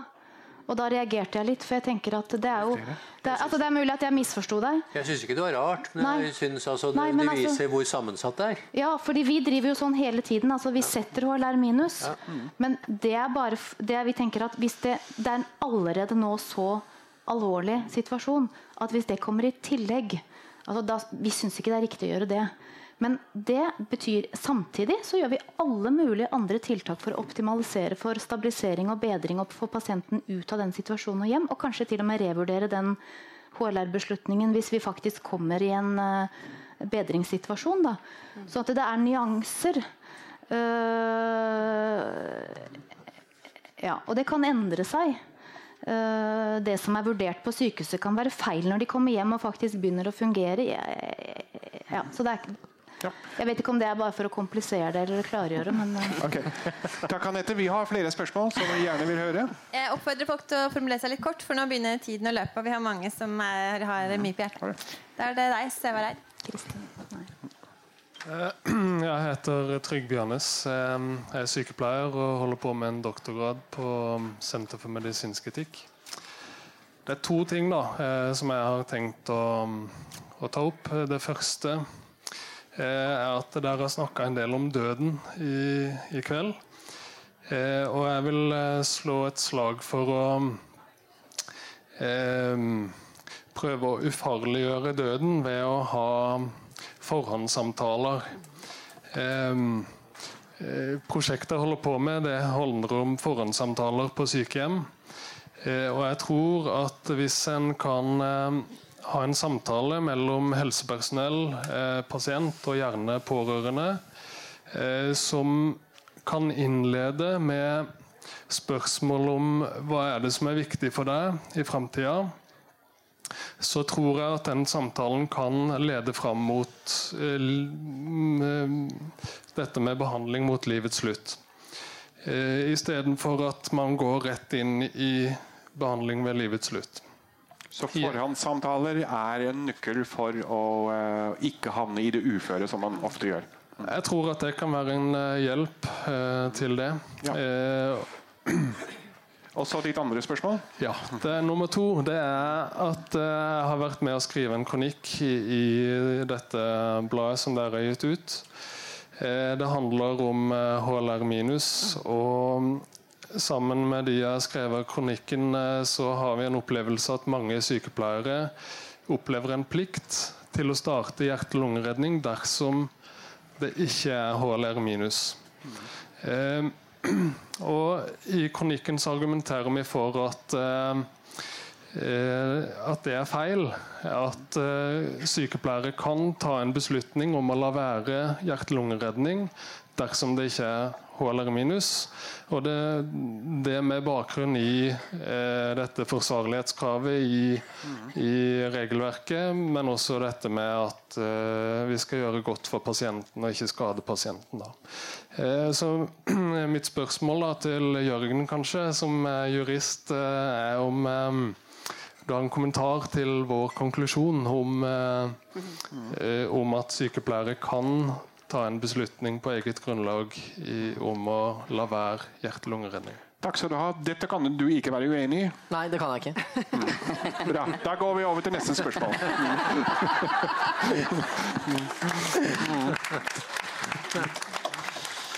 Det er det Astrid Rønsen.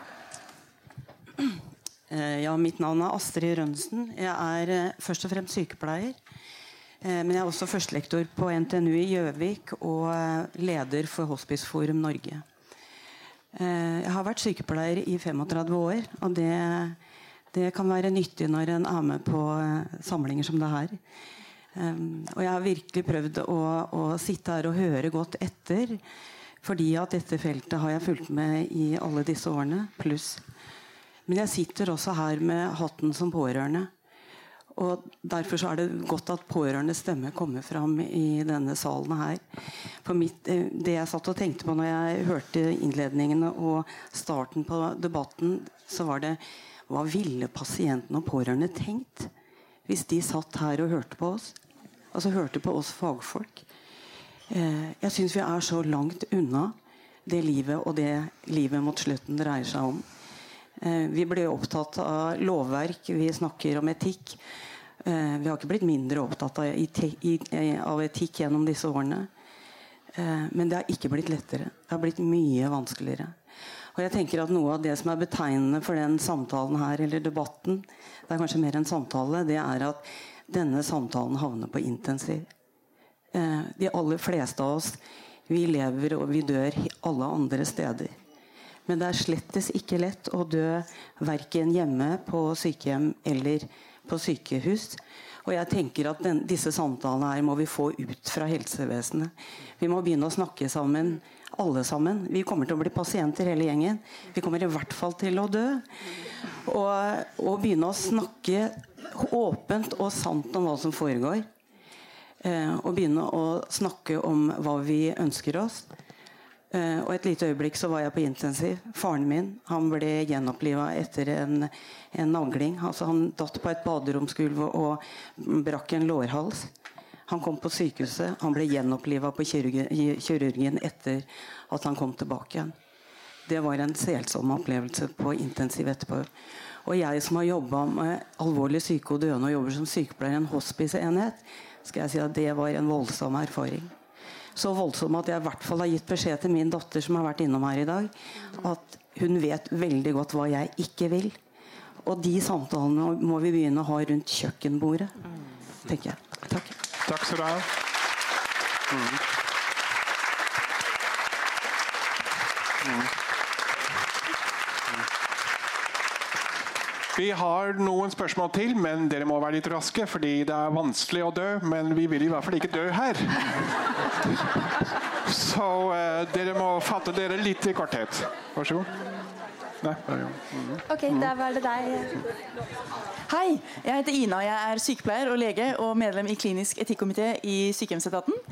Uh, jeg syns dette er superspennende, og jeg syns du holdt et fantastisk innlegg nå jeg, som sykehjemslege så tenker jeg at døden er en hverdagslig ting. Og ved å ta opp eh, spørsmål om døden, så snakker vi om det alle de gamle tenker på selv. Sånn at hvis vi sitter og er lite modige, så gjør vi ikke jobben vår. Å være modig er å gjøre ting man egentlig ikke tør. Sånn at vi må ta den rollen vi har valgt å være som helsearbeidere. Nemlig den som er modig, den som tør å ta opp de vanskeligere problemstillingene. Og vise pasienter, pårørende og kollegaer tverrfaglig at vi tør å diskutere hva det skal være. Ja. Tusen takk. Da tror jeg vi må begynne å gå inn for landing. Uh, mitt aller siste spørsmål til uh, dere fem er følgende. Um, vi vet at teknologien vil bare utvikle seg videre. Så vi får, noe, vi får ikke noe, lettere av den grunn. Så er jeg også ganske overbevist om at de pårørende heller ikke vil bli lettere å ha med å gjøre. De er selvfølgelig ikke vanskelige, det er ikke det jeg mener, men de vil ha veldig sterke meninger rundt dette her. Um, og så har vi lovverket. Uh, som, uh, som I og med at dette er størknet etikk, så virker det heller ikke som det kommer til å skje så veldig mye på den fronten. Så er det egentlig noe håp framover om at tingene blir bedre. Bortsett fra et litt vagt løfte om at vi må snakke sammen. Jørgen? Mm. Ja, men det er det. Eh, det er det. En ting er at uh, dette størkna lovverket det øker jo eksponentielt med tiden som kommer. Det at, uh, og det er et økende fokus både politisk og juridisk og jeg oppfatter også innenfor helsevesenet på på involvering av pasienter, av pårørende, mer hensyn. Og det foregår forskning også. ikke sant? Senter for medisinsk etikk har jo prosjekter som går på dette her. Mm. Det fins eh, fremadstormende leger som er opptatt av å, å, få fram dette. Og folk med lang erfaring som sier 'ta det opp på kjøkkenbordet'. ikke sant? Så dette, jeg og på toppen av dere sitter jo her og har debatt om det. Så jeg tror nok at det er håp for at ting blir bedre. Mm. Så bra. Så du setter din lit til uh, jussen? Uh, uh, det var ikke det jeg sa. og du setter kanskje din lit til at folk skal snakke bedre sammen? Ja, både i det tverrfaglige teamet, men jeg er også veldig enig i dette med å involvere pasient og pårørende. at og det har jo vist seg, altså det er jo mye forskning som tyder på at når pasienten selv involveres i beslutningene, så går ikke kravet om behandling øker ikke, det minker. Faktisk, og det, når de får skikkelig informasjon. For, forutsatt at de har fått skikkelig informasjon, eh, så, så, minker det trykket. Sånn at pasientinvolvering og få med pårørende, så kan vi håpe at, eh, at kanskje det er vi helsepersonell som er redd for å ikke gjøre nok. Anette Robertsen, du eh, satser kanskje på bedre kommunikasjon? Mm. Nei, jeg tror vi skal være, jobbe også med hva skal vi si, motkreftene mot den behandlingsspiralen. Mm. Uh, og det er en artikkel i det temanummeret dere har laget om hvordan leger dør. Mm. Og det handler jo om at man faktisk ikke ønsker å mm. presse grenser og strekke ting. Og kanskje er mye tidligere enn hva man hadde anbefalt for hvilken som helst pasient man har, til selv å si nei takk. Dette vil jeg ikke. Og jeg har nå en nær pårørende for eksempel, som har en alvorlig diagnose. Og vi som pårørende og hun er jo også opptatt av dette med altså Det er veldig viktig å passe på at ikke man gir behandling som gir mer plager enn grunnlidelsen. Uh, har, man det, har man livs kraft og har det bra, så er det et veldig viktig tema å plukke bort behandling som, mm. som ikke hjelper en, eller som faktisk uh, skader en. Da. Så at vi, vi, må jobbe med de motkreftene, tenker jeg. da. Ja. Ja. Også, også, ikke bare å snakke sammen. Ja. men, også, altså, men, det betyr også at du tenker at bedre informerte pasienter vil også kunne være med på å Jeg, tar, altså, jeg tenker at i, i, i, vår moderne tid altså, er det helt selvfølgelig at vi blir nødt til å ha en uh, dialog om hva som foregår når man får mm. behandling. Ja. Og det, det, er sannsynligvis altfor dårlig i alle mulige ledd overalt. At man kan gjøre det mye bedre. Jeg, jeg tror det. Ja. På sykehus og i over, mange andre steder. Takk skal du ha. Berit Lina? Ja Jeg skjønner jo at uh, altså, døden på intensiv det kan være kan, vi gjør vårt beste for at det skal være verdig og fint. Men på veien dit så er det mye lidelse både for pasienten og pårørende. Sånn at hvis vi kan unngå at en del pasienter kommer på intensiven som overhodet ikke har noe der å gjøre, så har vi i hvert fall kommet et skritt videre. Mm. Takk. Da får du siste ordet, Svein Aarseth. Så flott. Eh, altså, alle disse lovene vi har snakket om, det gir rettigheter til pasienter og pårørende, og sier de plikter til oss. Uh, og Sånn er det, og sånn kommer det sikkert til å fortsette å være. Så tenker jeg at Etikken eh, vi har, den er rimelig robust, men vi må bruke den. Og Da må vi ta disse samtalene der vi har mulighet. Uh, og kanskje oppfordre han nær sagt befolkningen, pasienter, eh, hva vi nå velger å kalle dem i forskjellige situasjoner, til å tenke gjennom eh, Det ble sagt noe om kjernejournal her. Eh, det kan altså folk gå inn på og, skrive litt om seg selv. Jeg trodde ikke jeg skulle bli glad i Kjernejournalen, men jeg har funnet ut at den er nyttig.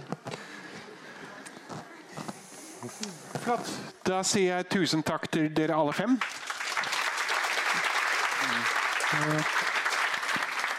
Det er veldig fristende å si til dere at uh, nå må dere komme dere ut. Um, uh, det er jo slik at uh, denne utgaven, de som ikke har fått den ennå, den kan man få der borte ved det bordet, rett ved baren. Det vil også foreligge en podkast om ganske kort tid. Og som dere vet, så er også dette, hele den debatten er blitt streamet. Så jeg takker alle sammen for å ha kommet. Jeg takker Legeforeningen for å ha arrangert dette møtet sammen med oss. Og så takker jeg ikke minst Liv, som faktisk er den som i stor grad har stått for denne utgaven. Takk, alle sammen. Mm. Det var Sykepleiens redaktør Bart Tolens som fikk aller siste ordet her. Dersom du ønsker å vite mer om tematikken, så finner du en rekke artikler fra temautgaven Når er det nok? på Sykepleiens nettsider, og her kan du også bestille utgivelsen i papirformat. Dersom du vil høre flere episoder av Sykepleiens podkast, så finner du alle sammen på iTunes, på podbean.com og på sykepleien.no. Jeg heter Ingvald Bergsagel. Vi høres.